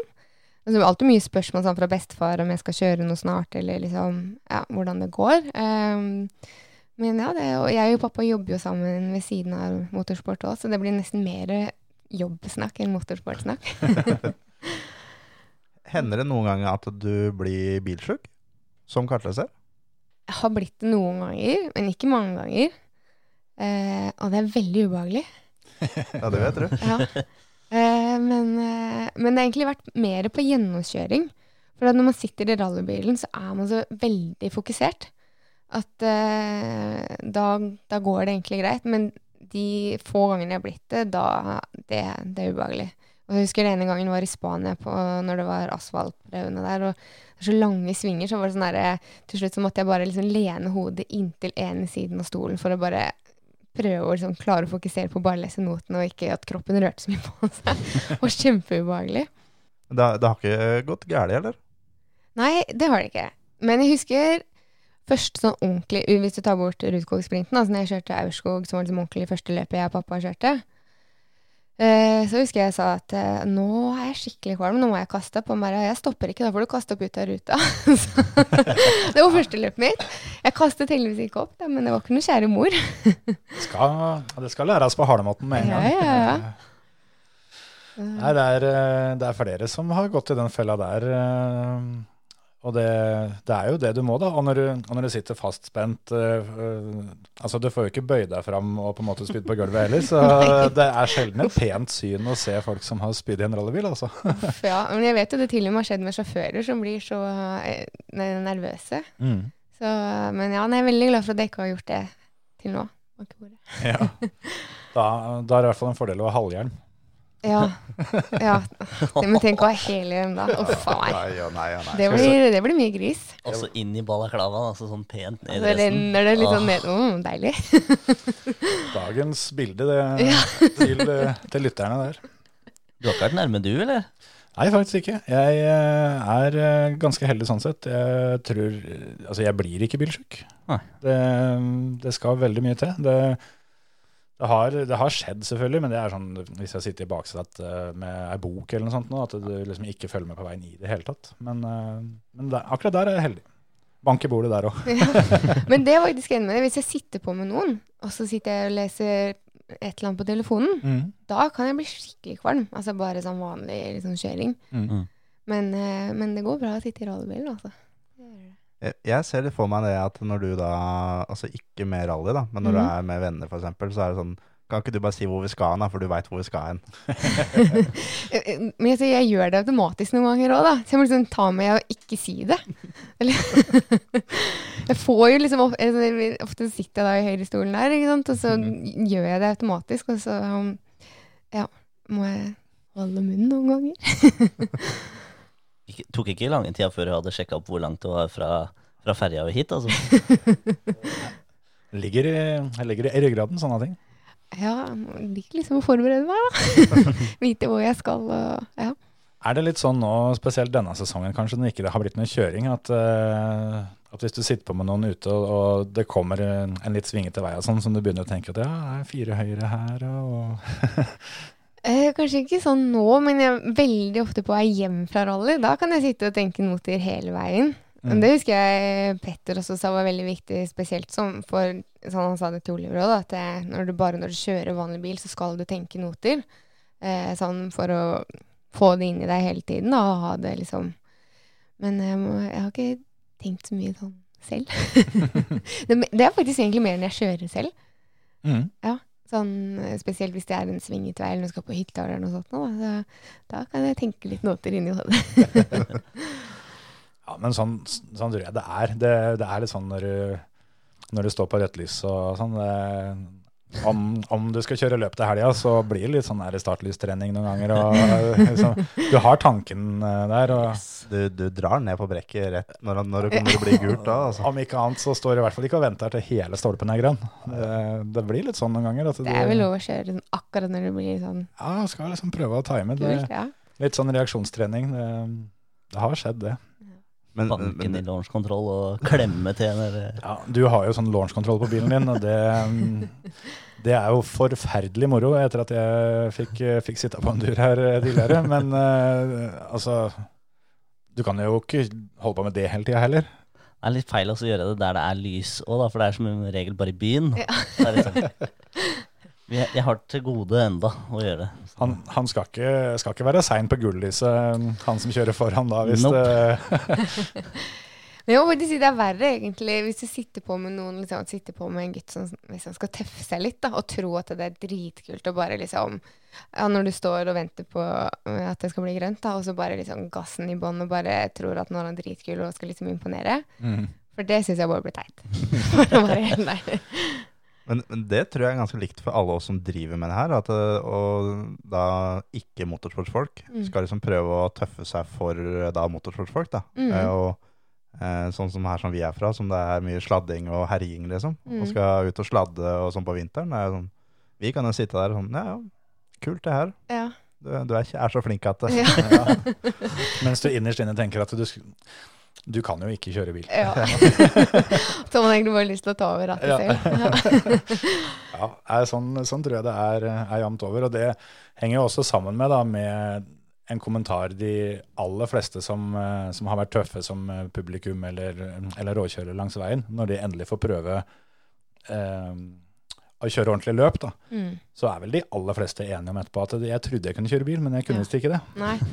Men jeg husker det bare aller første gangen jeg skulle starte en rallybil selv også. Jeg skulle kjøre rallybilen til når jeg kjørte med Steve Røkland. Mm. Og bare kjøre den ut fra Park Fermé. Mm. Tenkte bare ja, verden, det her var jo ti ganger vanskeligere enn hva jeg trodde det skulle være. Det er Mm. ikke bare å sette seg inn og liksom vri om tenningen og tro at det, det er lett.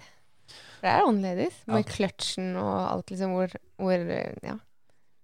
Ja, det er, eh, det er en del ting og tang som, eh, som skal passes på. Altså, en del av, av de bilene har vel en del forskjellige sånn moduser du må sette dem i, og litt ettersom åssen kjøringa er. Ja, og så er jo bremsepedalen kjempehard. Det er man jo ikke vant til på en vanlig privatbil heller, da. Men jeg skjønner det jo. Jeg merket det jo når jeg kjørte med bilen til Oliver, at jeg skjønner jo Altså, det er jo behagelig når du venner deg til det. Mm. Men, eh, men ja, så det er, sånn, det er jo sånn da, at folk tror liksom at de er så flinke, og så er det litt vanskeligere enn hva man tror. Ja. Du nevnte Steve Røkland. Han, eh, han satt jo på med ganske lenge. Og, og nå er det jo Ola junior Nore som er din fører. Eh, Og nå er jo Steve Røkland plutselig den største konkurrenten. Ja. Er det, er det litt rart? Nei, for nå har jeg liksom vært vant til å bytte litt sjåfører og sånn, så det, det er jo ikke rart. Jeg syns det var rarere når, når, liksom, når Malene og Marius kjørte sammen, og, og jeg skulle konkurrere mot de. Eh, men eh, nei, det er egentlig bare all konkurranse er gøy uansett. ja. Jeg, jeg husker på Rally Sigdal et år, når vi hadde rallyradio. Ja. Da dro jo da Marius og Marlene av skikkelig, havna ute i en bekk. Mm. Og den innbordsfilmen da fra deg og Steve etterpå, uh, det første du sier, at det er, det er Marius. Mm. Og så når du kommer i mål, så sa du at, det, at ikke du klarte å lese omtrent etterpå. Åssen er det? Altså, jeg måtte jo bare fortsette å lese. Eh, men det var veldig ubehagelig, fordi jeg så Marius, og så så jeg ikke Marlene.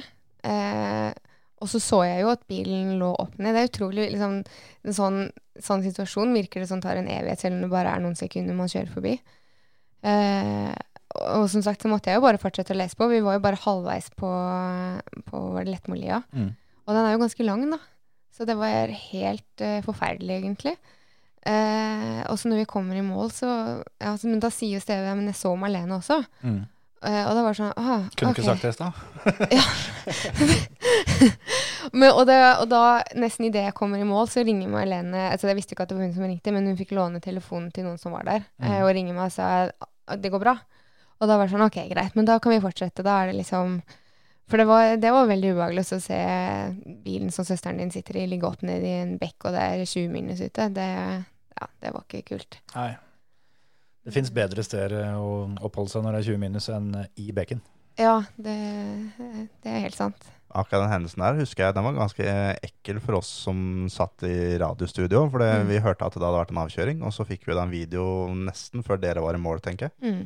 Og så hvor ekstremt de greiene der rulla av gårde. Ja. Da var det, det var ikke så trivelig å, være bak en, bak en PC-skjerm da. Altså. Nei, om jeg husker riktig, så tror jeg vi vel egentlig hørte krasjen eh, live. For vi hadde vel Thomas Bendiksen på telefon, som Mm. sto eh, bare en sving borti. Og så han så vel bare bilen forsvant og sa at oi, det der går ikke bra. Og så hørte vi det på en måte rumle av gårde. Mm.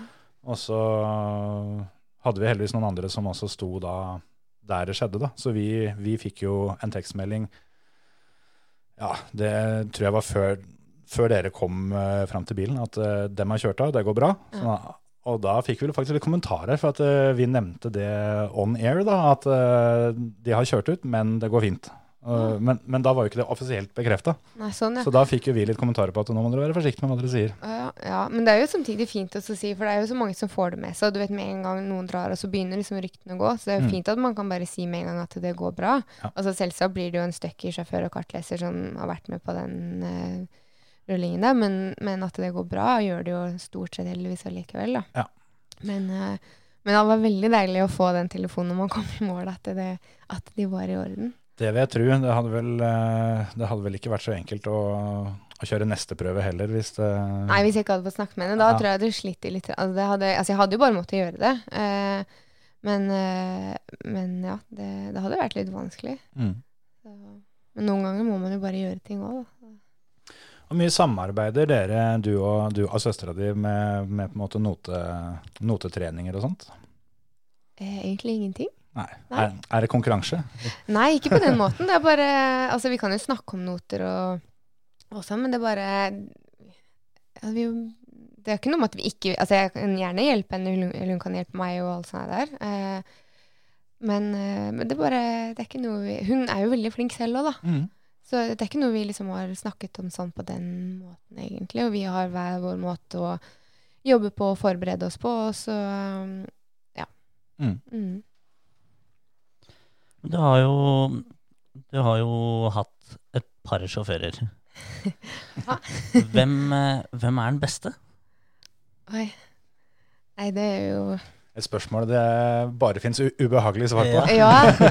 Ja, det, ja, det er litt sånn ubehagelig svar på. Men, eh, men Du kan si hvem, hvem som var den beste å lese for, da. Ikke nødvendigvis hvem som var best å kjøre.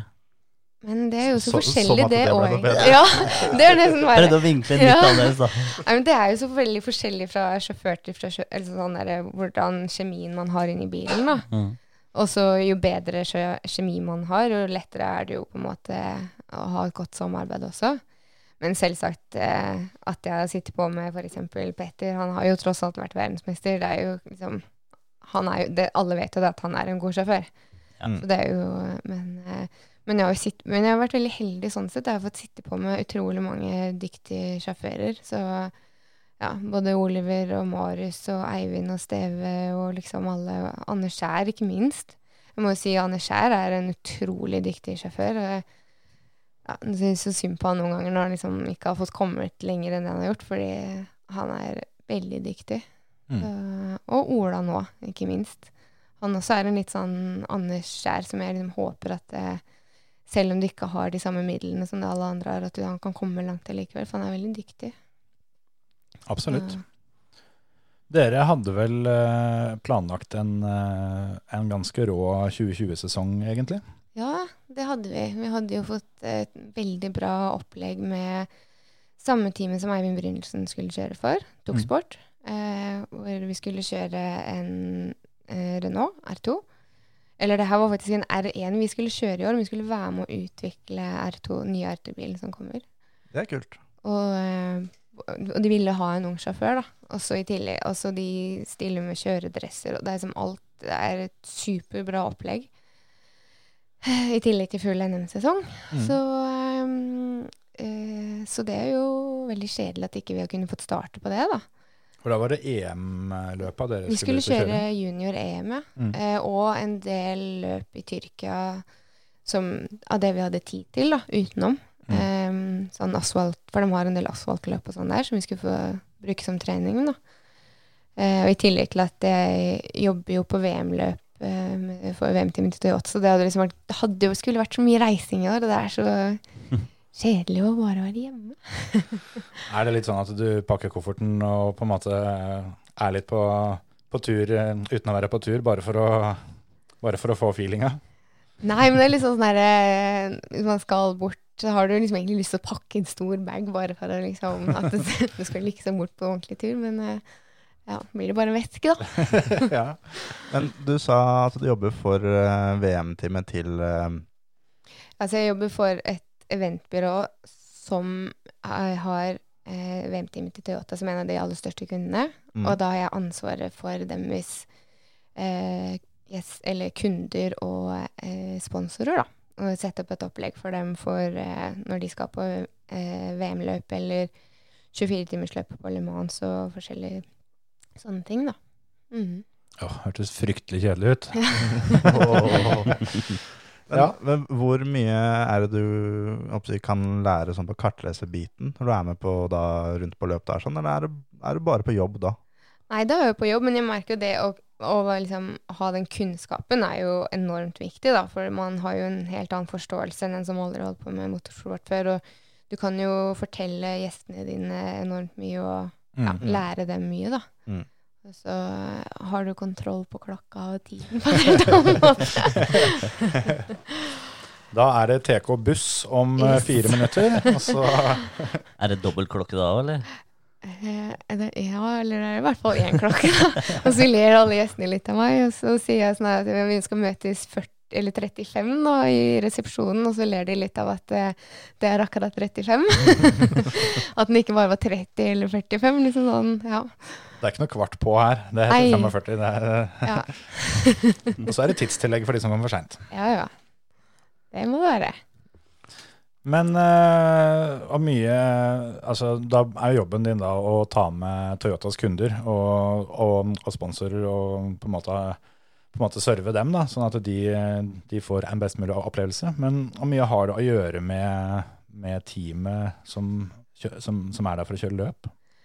Nei, altså vi er jo der eh, og bruker jo Demis hospitality, og vi snakker jo mye med eh, alle som er der, Mm. eh, med alle i teamet. Og nå har jeg holdt på så lenge, så jeg kjenner jo sjåfører og kartleser, og liksom Det er jo veldig hyggelig å kunne være på hils med alle sammen og kunne stå og snakke med de. Så selv om jeg da ikke får vært inne i rollebilen selv, så kan du liksom stå og snakke med de du kjenner, og Mm. være litt del av det likevel, da. Og så pass, bare passe på å si til Tommy at eh, om, om, om noen skulle bli sjuke, Ja. så, så har jeg med meg kjøredressen. Bare sånn i tilfelle det skulle være behov. Det er en fin uh, tommelfingerregel, det har jo vi, har vi snakka om før, Terje. At, uh, at skal du på løp, så ta med kjøredressen. Sånn, du veit aldri hva som skjer. I hvert fall hjelmen. Ha alltid hjelmen i bilen, i privatbilen, for du veit aldri når du får mulighet til å prøve et eller annet. Men det er jo faktisk ikke tull. Malene måtte det for mange år siden for Mats Esper eh, på Aurskog-Ørland. Så eh, plutselig så måtte hun hoppe inn som kartleser der. Eh, og da Ja. Mm. Så det kan skje. Mm. Mm. Så du har med kjøredressen. Jeg har faktisk ikke det. Selv om det er noen ganger jeg tenker at å, jeg har litt lyst til å sitte inni der. Men ja, nei. Jeg har ikke det. Det kan vel hende de har en ekstra hvis det, Det måtte knipe. Ja. Hvis det, ja, kan. Og det hadde gått helt fint hvis at den kjøredressen var for stor der, hvis jeg ville sitte Ja. inn i den Toyota VRC-bilen. Har du sittet på de nye VRC-bilene? Den nye generasjonen som er nå? Jeg har sittet inni den mens den har stått markert. men ikke Nei, ikke fått kjøre Nei. Gjestene mine får gjøre det, men jeg får ikke gjøre det, da. Må bare stå pent og se på. Da, nå må du nesten begynne å stå i kø og late som du er gjest. Og Ja, late ikke som ikke du veit hvor du er. Hvorfor Å, er får ikke jeg sitte på men Jeg trodde det. ja. Begynne å ta med, ta med solbriller og caps og på en måte snike deg inn i, i køen. sant? Ja.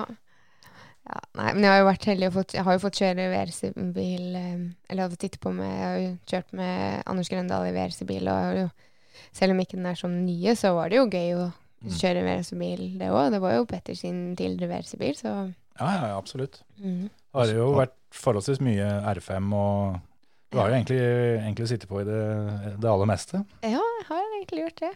Kom på, jeg kjørte jo også et VM-løp i VRC-bil med Mats Østberg også, på Mm. Sardinia for mange år siden. Så har jo faktisk fått kjørt et løp i VRC-bil, da, selv om det ikke er de nye. Åssen er det å være på altså, kartleser i et VRC-løp, et så langt løp, kontra en lørdag i Sigdal?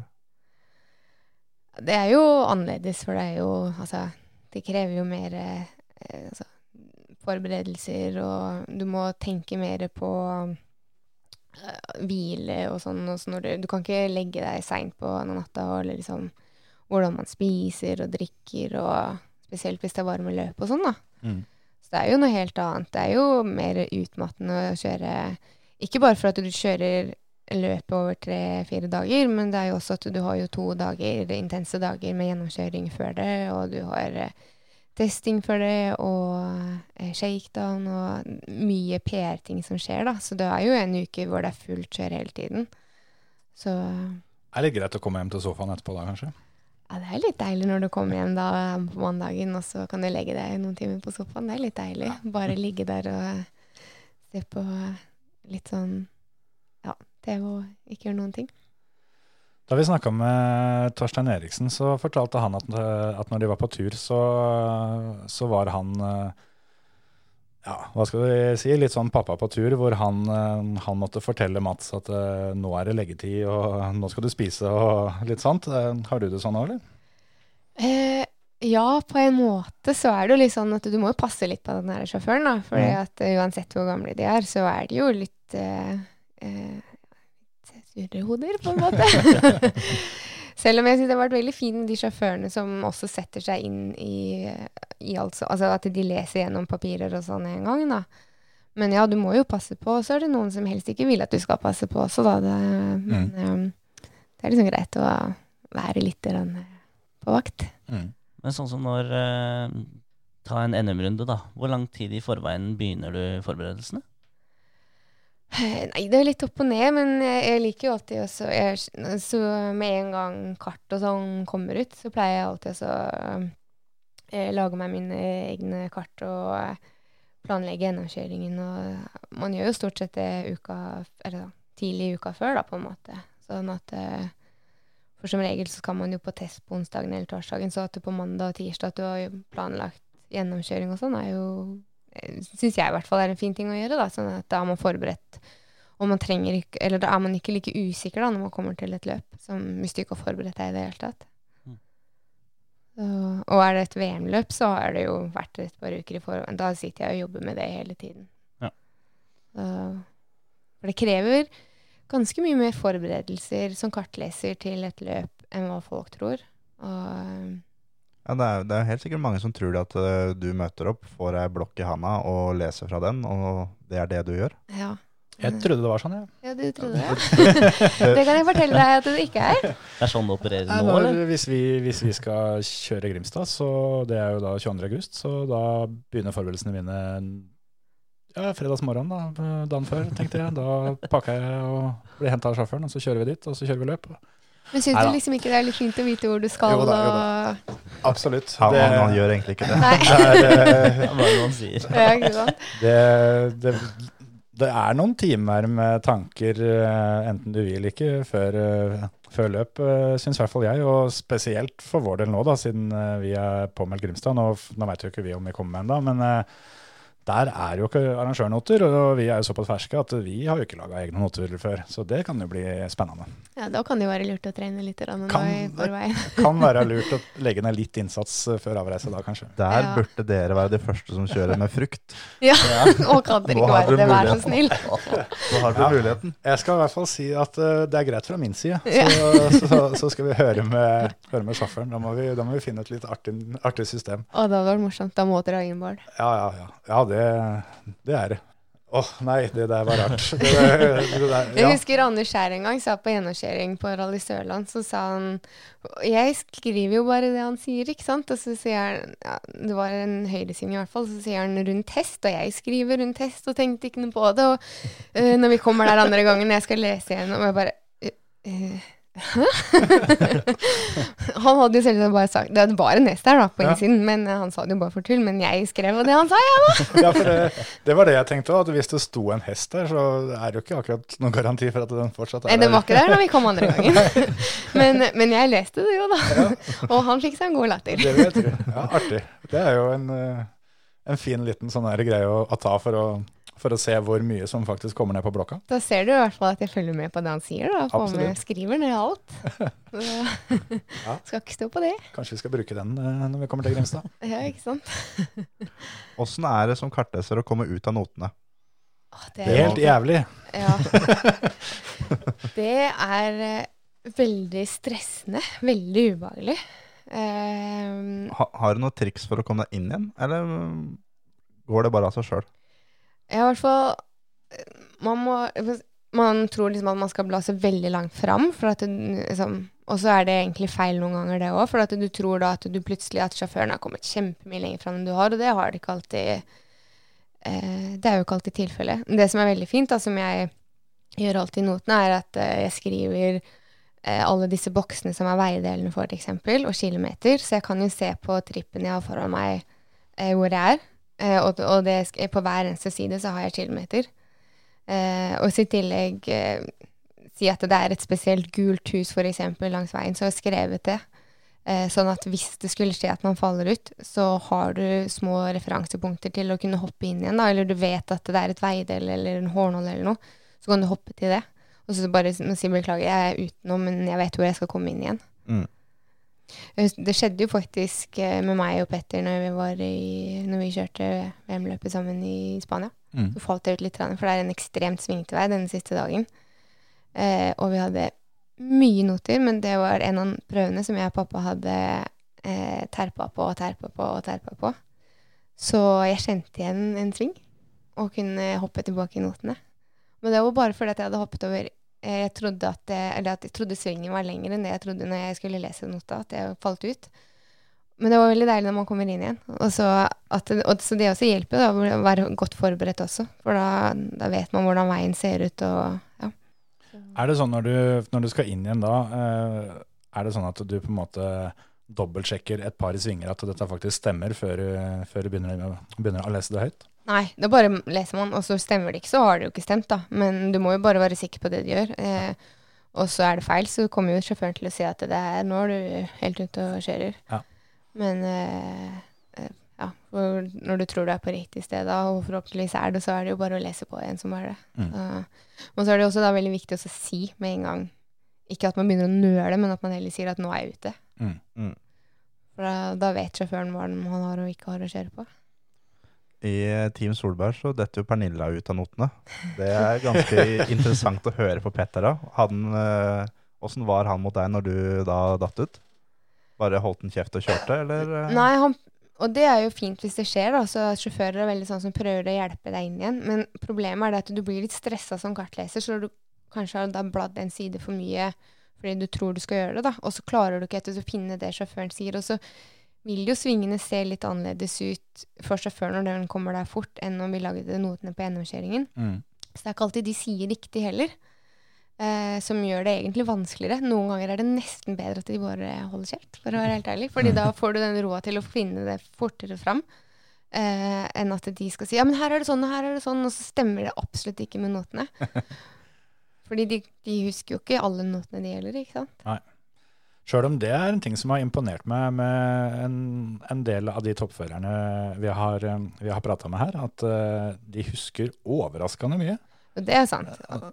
Så jo blant annet bare ja, Det var vel eh, når Oliver kommenterte på VLC Pluss fra Mexico, som han bare hadde kjørt gjennomkjøring til. da, Og så hadde han selvfølgelig smugkikka litt på pappas inboards, vil jeg tro. Men da satt han og, og fortalte at ja, nå kommer de til det og det partiet hvor det er den og den svingen og sånn og sånn. Og Mm.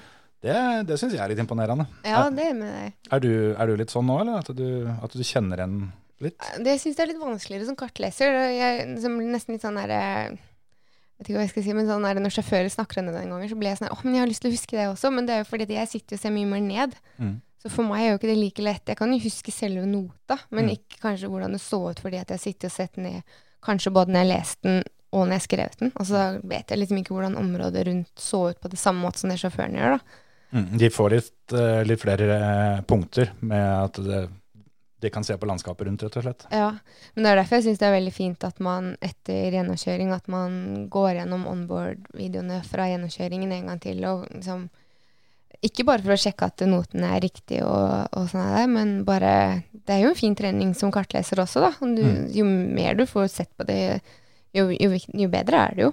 Men du har ikke bare vært eh, kartleser, du har jo vært eh, spotter også. Hvordan var det? Ja, da er jeg veldig glad for at eh, jeg hadde litt hjelp fra Tommy Rustad også. for det, det, var, det var litt vanskelig, bare å bli kasta inn i en sånn rolle. Mm.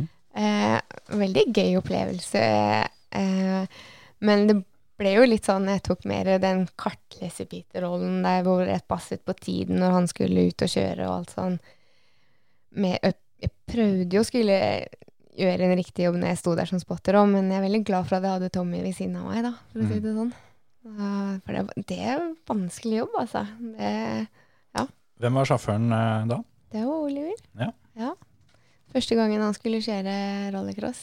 Og Pernilla og Petter var i Portugal og skulle kjøre. Mm, på Ja. Der var vi. Det, det husker jeg. Ja, det var jo en helt fantastisk herlig helg, da. Og Mm. så mye action. Og jeg tror nesten jeg hadde vært så stolt jeg, over den annen person. Sånn. Altså, måten han kjørte på, liksom, hva han fikk til, og ja, mye frustrasjon underveis, og diskusjoner og liksom med andre, og ja, hva alle rundt han fikk til også for å hjelpe han. Og, det var gøy.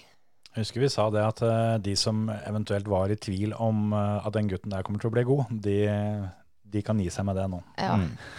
Jeg tror han fikk liksom virkelig vist hvor god han var den helgen. Ja. For det syns jeg er litt irriterende, fordi alle tenker at han er god fordi han er sendt til Petter. Mm. Og det er jo ikke sånn. Han er jo god også fordi at han har holdt på med det siden han var liten. Han, det er som du sier, da, at han kan alt det med f.eks. en etappe i Mexico. Han Mm. gjør jo ikke noe annet enn å sitte og studere dette her hele tiden, ikke sant. Så at han blir god, er jo ikke rart. Nei, absolutt ikke. Den helga der sånn, det, da den bilen til Oliver datt jo litt ifra hverandre, og mye deler som datt av og ble borte og sånn. Og da var det Per Eklund som gikk til et annet team og bare henta en spoiler. Bare, det her får vi bare ta Vi får Ja. gjøre opp når det er seinere, men vi trenger den her. Ja. Det var Per Eklund og Henning Solberg. De, altså, der var det to ganger Petter Smart, altså, hva de fikk til med den spoileren der. Eh, ja, det er helt utrolig. Litt av et serviceteam å ha det. Det var jo da en spoiler fra en Ford som skulle på Ja, en, uh, en Citroën. en Citroën. Ja. Men de fikk det til, da. Så det var jo flaks at Henning var der sånn sett, for uh, da kom virkelig det derre oppfinnsomme hodet hans på, til rette, for å si det sånn. Absolutt. Det, det, ja, det er faktisk sant. Henning er vel en av de få toppførerne fra Norge du ikke har lest kart for? Nei, det har jeg faktisk gjort. Du har gjort det? Ja, jeg har kjørt sånn det var sprint på Hokksund. Ja. Hokksund Rally. Ja. Eh, så trengte han å teste til svenskerally, tror jeg det var. eller noe sånt. Så da kom jeg hjem eh, fra Thailand dagen før og rett i solen og sitte på med han. Solbrent og fin. Så jeg har faktisk kjørt et løp med han nå, selv om det ikke var et stort løp. Ja, ja. Mm. Artig, artig. Mm. Har du noen førere som du ikke har lest for enda, som du gjerne skulle ønske du hadde lest for? Oi. Eh, hvem skulle det vært, egentlig? Jeg har jo vært så heldig og hatt ganske mange gode sjåfører her i Norge, da. Hvis det skulle vært av norske sjåfører, så måtte det i så fall vært Ole Christian Weibe eller Andreas Mikkelsen, som er de Mm. jeg ikke har lest for, da. Mm. Eh, ja, av utenlandske så vet jeg ikke. Bare hvem som helst av sjåfør som er liksom på VM-nivå, er hadde jo vært helt fantastisk å få lese for. Mm. Jeg tenkte på, når eh, vi hadde Eivind her, så uh, fortalte jo han uh, litt om den situasjonen da han og du ikke skulle kjøre sammen lenger. Som han fortalte at det var en av de kjipeste tinga han hadde vært med på i sin uh, aktive karriere. Åssen Mm. -hmm. opplevde du den situasjonen der? Nei, det var jo Det var jo veldig kjipt. Ja. Plutselig få beskjed sånn midt i sesongen. Eh, og så i tillegg så da var det jo Og så begynte jo liksom folk å skulle skrive sånn på den der norsk rally, og folk begynner med rykter og drittslenging, og det var liksom Det var en veldig ubehagelig situasjon på mange måter. Mm. Men eh, så var jeg veldig heldig, og så kom eh, Andersen Nei, eller var det Kenneth jeg begynte å kjøre med? Da var det, ja. Så det, så det ordna seg jo, da. Og det Mm. var vel faktisk Eivind som hjalp meg med det òg. Kenneth Jonsrud begynte jeg å kjøre med da. Ja. Eh, men ja, det, det var jo veldig Det føltes jo veldig rart. og Det føltes jo plutselig ut som Man mister jo litt selvtillit, da. At man er, er man ikke god nok. Ja, at du har gjort noe gærent, på en måte. Ja, det samme følte jeg jo litt i fjor også, når Oliver også plutselig skulle bytte. Mm. Det, det liksom føles litt sånn som om verden faller litt sammen da. Mm. Føles, alt føles litt sånn kjipt, og det føles som, som du ikke er, eh, er bra nok. da. Man begynner liksom å tvile veldig på seg selv. Er, er det liksom nesten litt som et forholdsbrudd? Litt på samme måten? At da blir det veldig tomt etterpå, på en måte? Ja, jeg vet liksom ikke Ja, på en måte. Eller mer egentlig frustrasjon, egentlig. Og litt sånn stress med ok, hva skal jeg gjøre nå? Liksom, nå må jeg finne på noe nytt ganske fort. liksom sånn. Jeg hadde ikke bare klart å så bare ok, nei, men da skal jeg ikke gjøre noe mer, da. Mm. Så det blir mer egentlig sånn og, eh, som pappa sa, at ja, men nå må vi bare prøve å tenke positivt og tenke framover, og hvem kan man liksom finne som nye sjåfører, og liksom ikke grave meg selv ned, da. For det er jo veldig lett å kunne gjøre det i sånne situasjoner. Mm. Eh, men jeg er jo heldig og har mange bra mennesker rundt meg, så det er klart å ikke grave meg helt ned, da. Men har du gjort, det- gjort det samme andre veien? At du har fortalt en fører at nå, nå gidder jeg ikke mer? Jeg har jo det, og det er derfor jeg også har tenkt at eh, Men jeg har aldri gjort det midt i en sesong, da. Nei. Eh, så det var jo Eller jo, ja, for så vidt. Jeg og Marius vi sluttet jo også å kjøre sammen midt i en sesong en gang. Men eh, Så ja, jeg har jo gjort det. Så jeg vet at det kan skje. Eh, altså, det er jo ikke sånn at det er gitt alltid at ting skal fungere. Selv om det fungerer kjempefint med én sjåfør, så er det ikke gitt at jeg skal gjøre det med en annen. Eh, så jeg har jo vært den som har måttet ta det kjipe valget noen ganger, jeg òg. Mm. Eh, det var ikke noe gøy å ringe til Katie heller eh, i vinter og si at jeg ikke skulle kjøre med henne lenger heller. Men, eh, så jeg har jo vært på andre siden. Mm. Så, også jeg skjønner jo at man bytter. Men det er bare noen ganger kanskje hvordan ting blir gjort på, da, som, litt, som føles kjipt for den andre parten. Åssen ser eh, 2021 ut, da? Er det, er det litt sånn som 2020 skulle blitt, eller har du noe annet uh, på Ja, jeg håper jo på det, da. Eh, litt sånn Ja, nå har jeg jo fått den jobben med Toyota og sånn også, som eh, blir mer og mer ansvar. Men jeg har jo ikke lyst til å slutte som kartleser heller, så jeg prøver jo så godt det lar seg gjøre og skal la de to eh, tingene kombinere. Mm. Eh, men så vet vi heller ikke Det kan jo være at vi har korona der neste år også.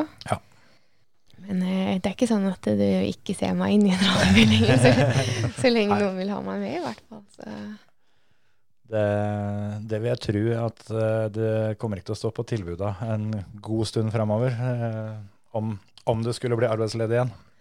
Jeg håper i hvert fall ikke det, men eh, ja, det, er, det er ikke så lenge man skal være borte før, før man blir glemt heller, da, i den sporten her. Det er liksom viktig å være aktuell hele tiden, da. Men det er klart at når, når dere nå begynner med notesystem med frukt, så er det jo et nytt, nytt system å komme inn i. ikke sant? Det er det, da, så da mister jo jeg Nå må, jeg jo lære, nå må du, du begynne å lære meg. Ja, ikke sant? Det her blir jo en game changer. Ja.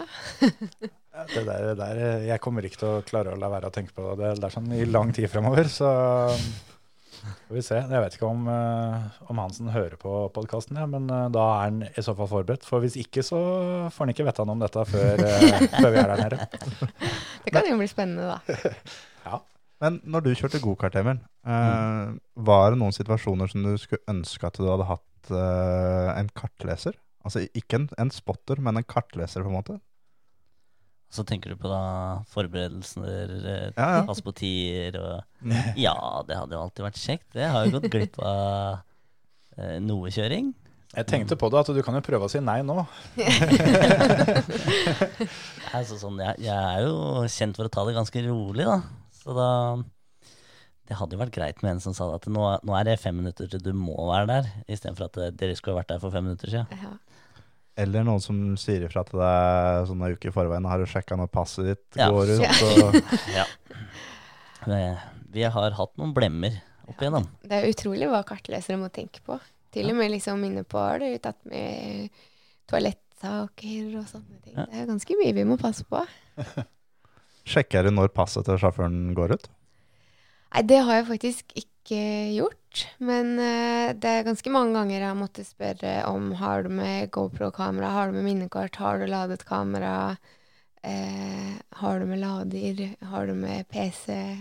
Det, det, de, den der regla der, den, den har jeg gått gjennom noen ganger. Eh, så ja. Det går mer på sånne tekniske ting. Ja. For det er sjåfører veldig flinke til å glemme. Jeg kjenner ikke noe til. Vi hadde en, en mekanikeren vår måtte komme kjøre en time opp for å møte meg og Peter Oliver i Latvia en gang, for at eh, kameraet lå igjen på hotellrommet. Ja, og det blir ikke kjørt uten, uten kamera i bilen. Nei, men hvis man har tid på NO-kjøring til å vente for å få kamera, så er jo det det beste. For Ja, eh, både sjåfør og kartleser trenger jo det etter gjennomkjøringen til å kunne forberede seg enda bedre, og spesielt sjåføren kan sitte og se på det før man starter, og liksom på service og sånne ting, så det er jo så viktig å ha. Skal vi um, kalle det en dag? Jeg tror kanskje vi kan si det, at det er på tide å takke for besøket og ønske deg en eh, fantastisk god sommer. Jo, takk for meg. Takk for at vi kom med. Så får vi håpe det kommer i gang med litt, uh, litt kjøring igjen snart, sånn at du får på deg kjøredressen igjen. Ja, Det heter jo kjøredress sjøl om du er kartleser. Det heter eller? kjøredress. Ja. Og så er det litt morsomt, for det alle, når vi kaller det kartleser på norsk, tror alle at jeg sitter og leser et kart. Ja. Så co-drivers på ordet på engelsk er jo egentlig litt mer riktig, da. ja, ja. Andre sjåfør, rett og slett. Andre Ja. pilot. Andre pilot, ja, men det er jo egentlig det som er riktig. Jeg sitter jo ikke og leser fysisk et kart. Jeg husker faktisk det den gangen jeg fikk, eh, fikk lisensen første gangen, at eh, jeg var veldig, veldig fornøyd med at jeg fikk co-driver-lisens og ikke kartleserlisens, for det var to forskjellige ting den gangen. Å ja. Så Så gammel er du. så gammel er jeg faktisk. Da, ja da. Nei, så jeg støtter deg i den, at, at kartleser er, er et litt sånn forenkla ord. ja. Nei, men da, da, sier vi egentlig takk for nå, og eh, god sommer til både deg og alle som hører på. Vi, vi er tilbake neste uke, vi. altså. Ikke, ikke tro noe annet. Men, nei, nei, nei, eh, vi er her. Ja. Ha det bra. Ha det. Ha det.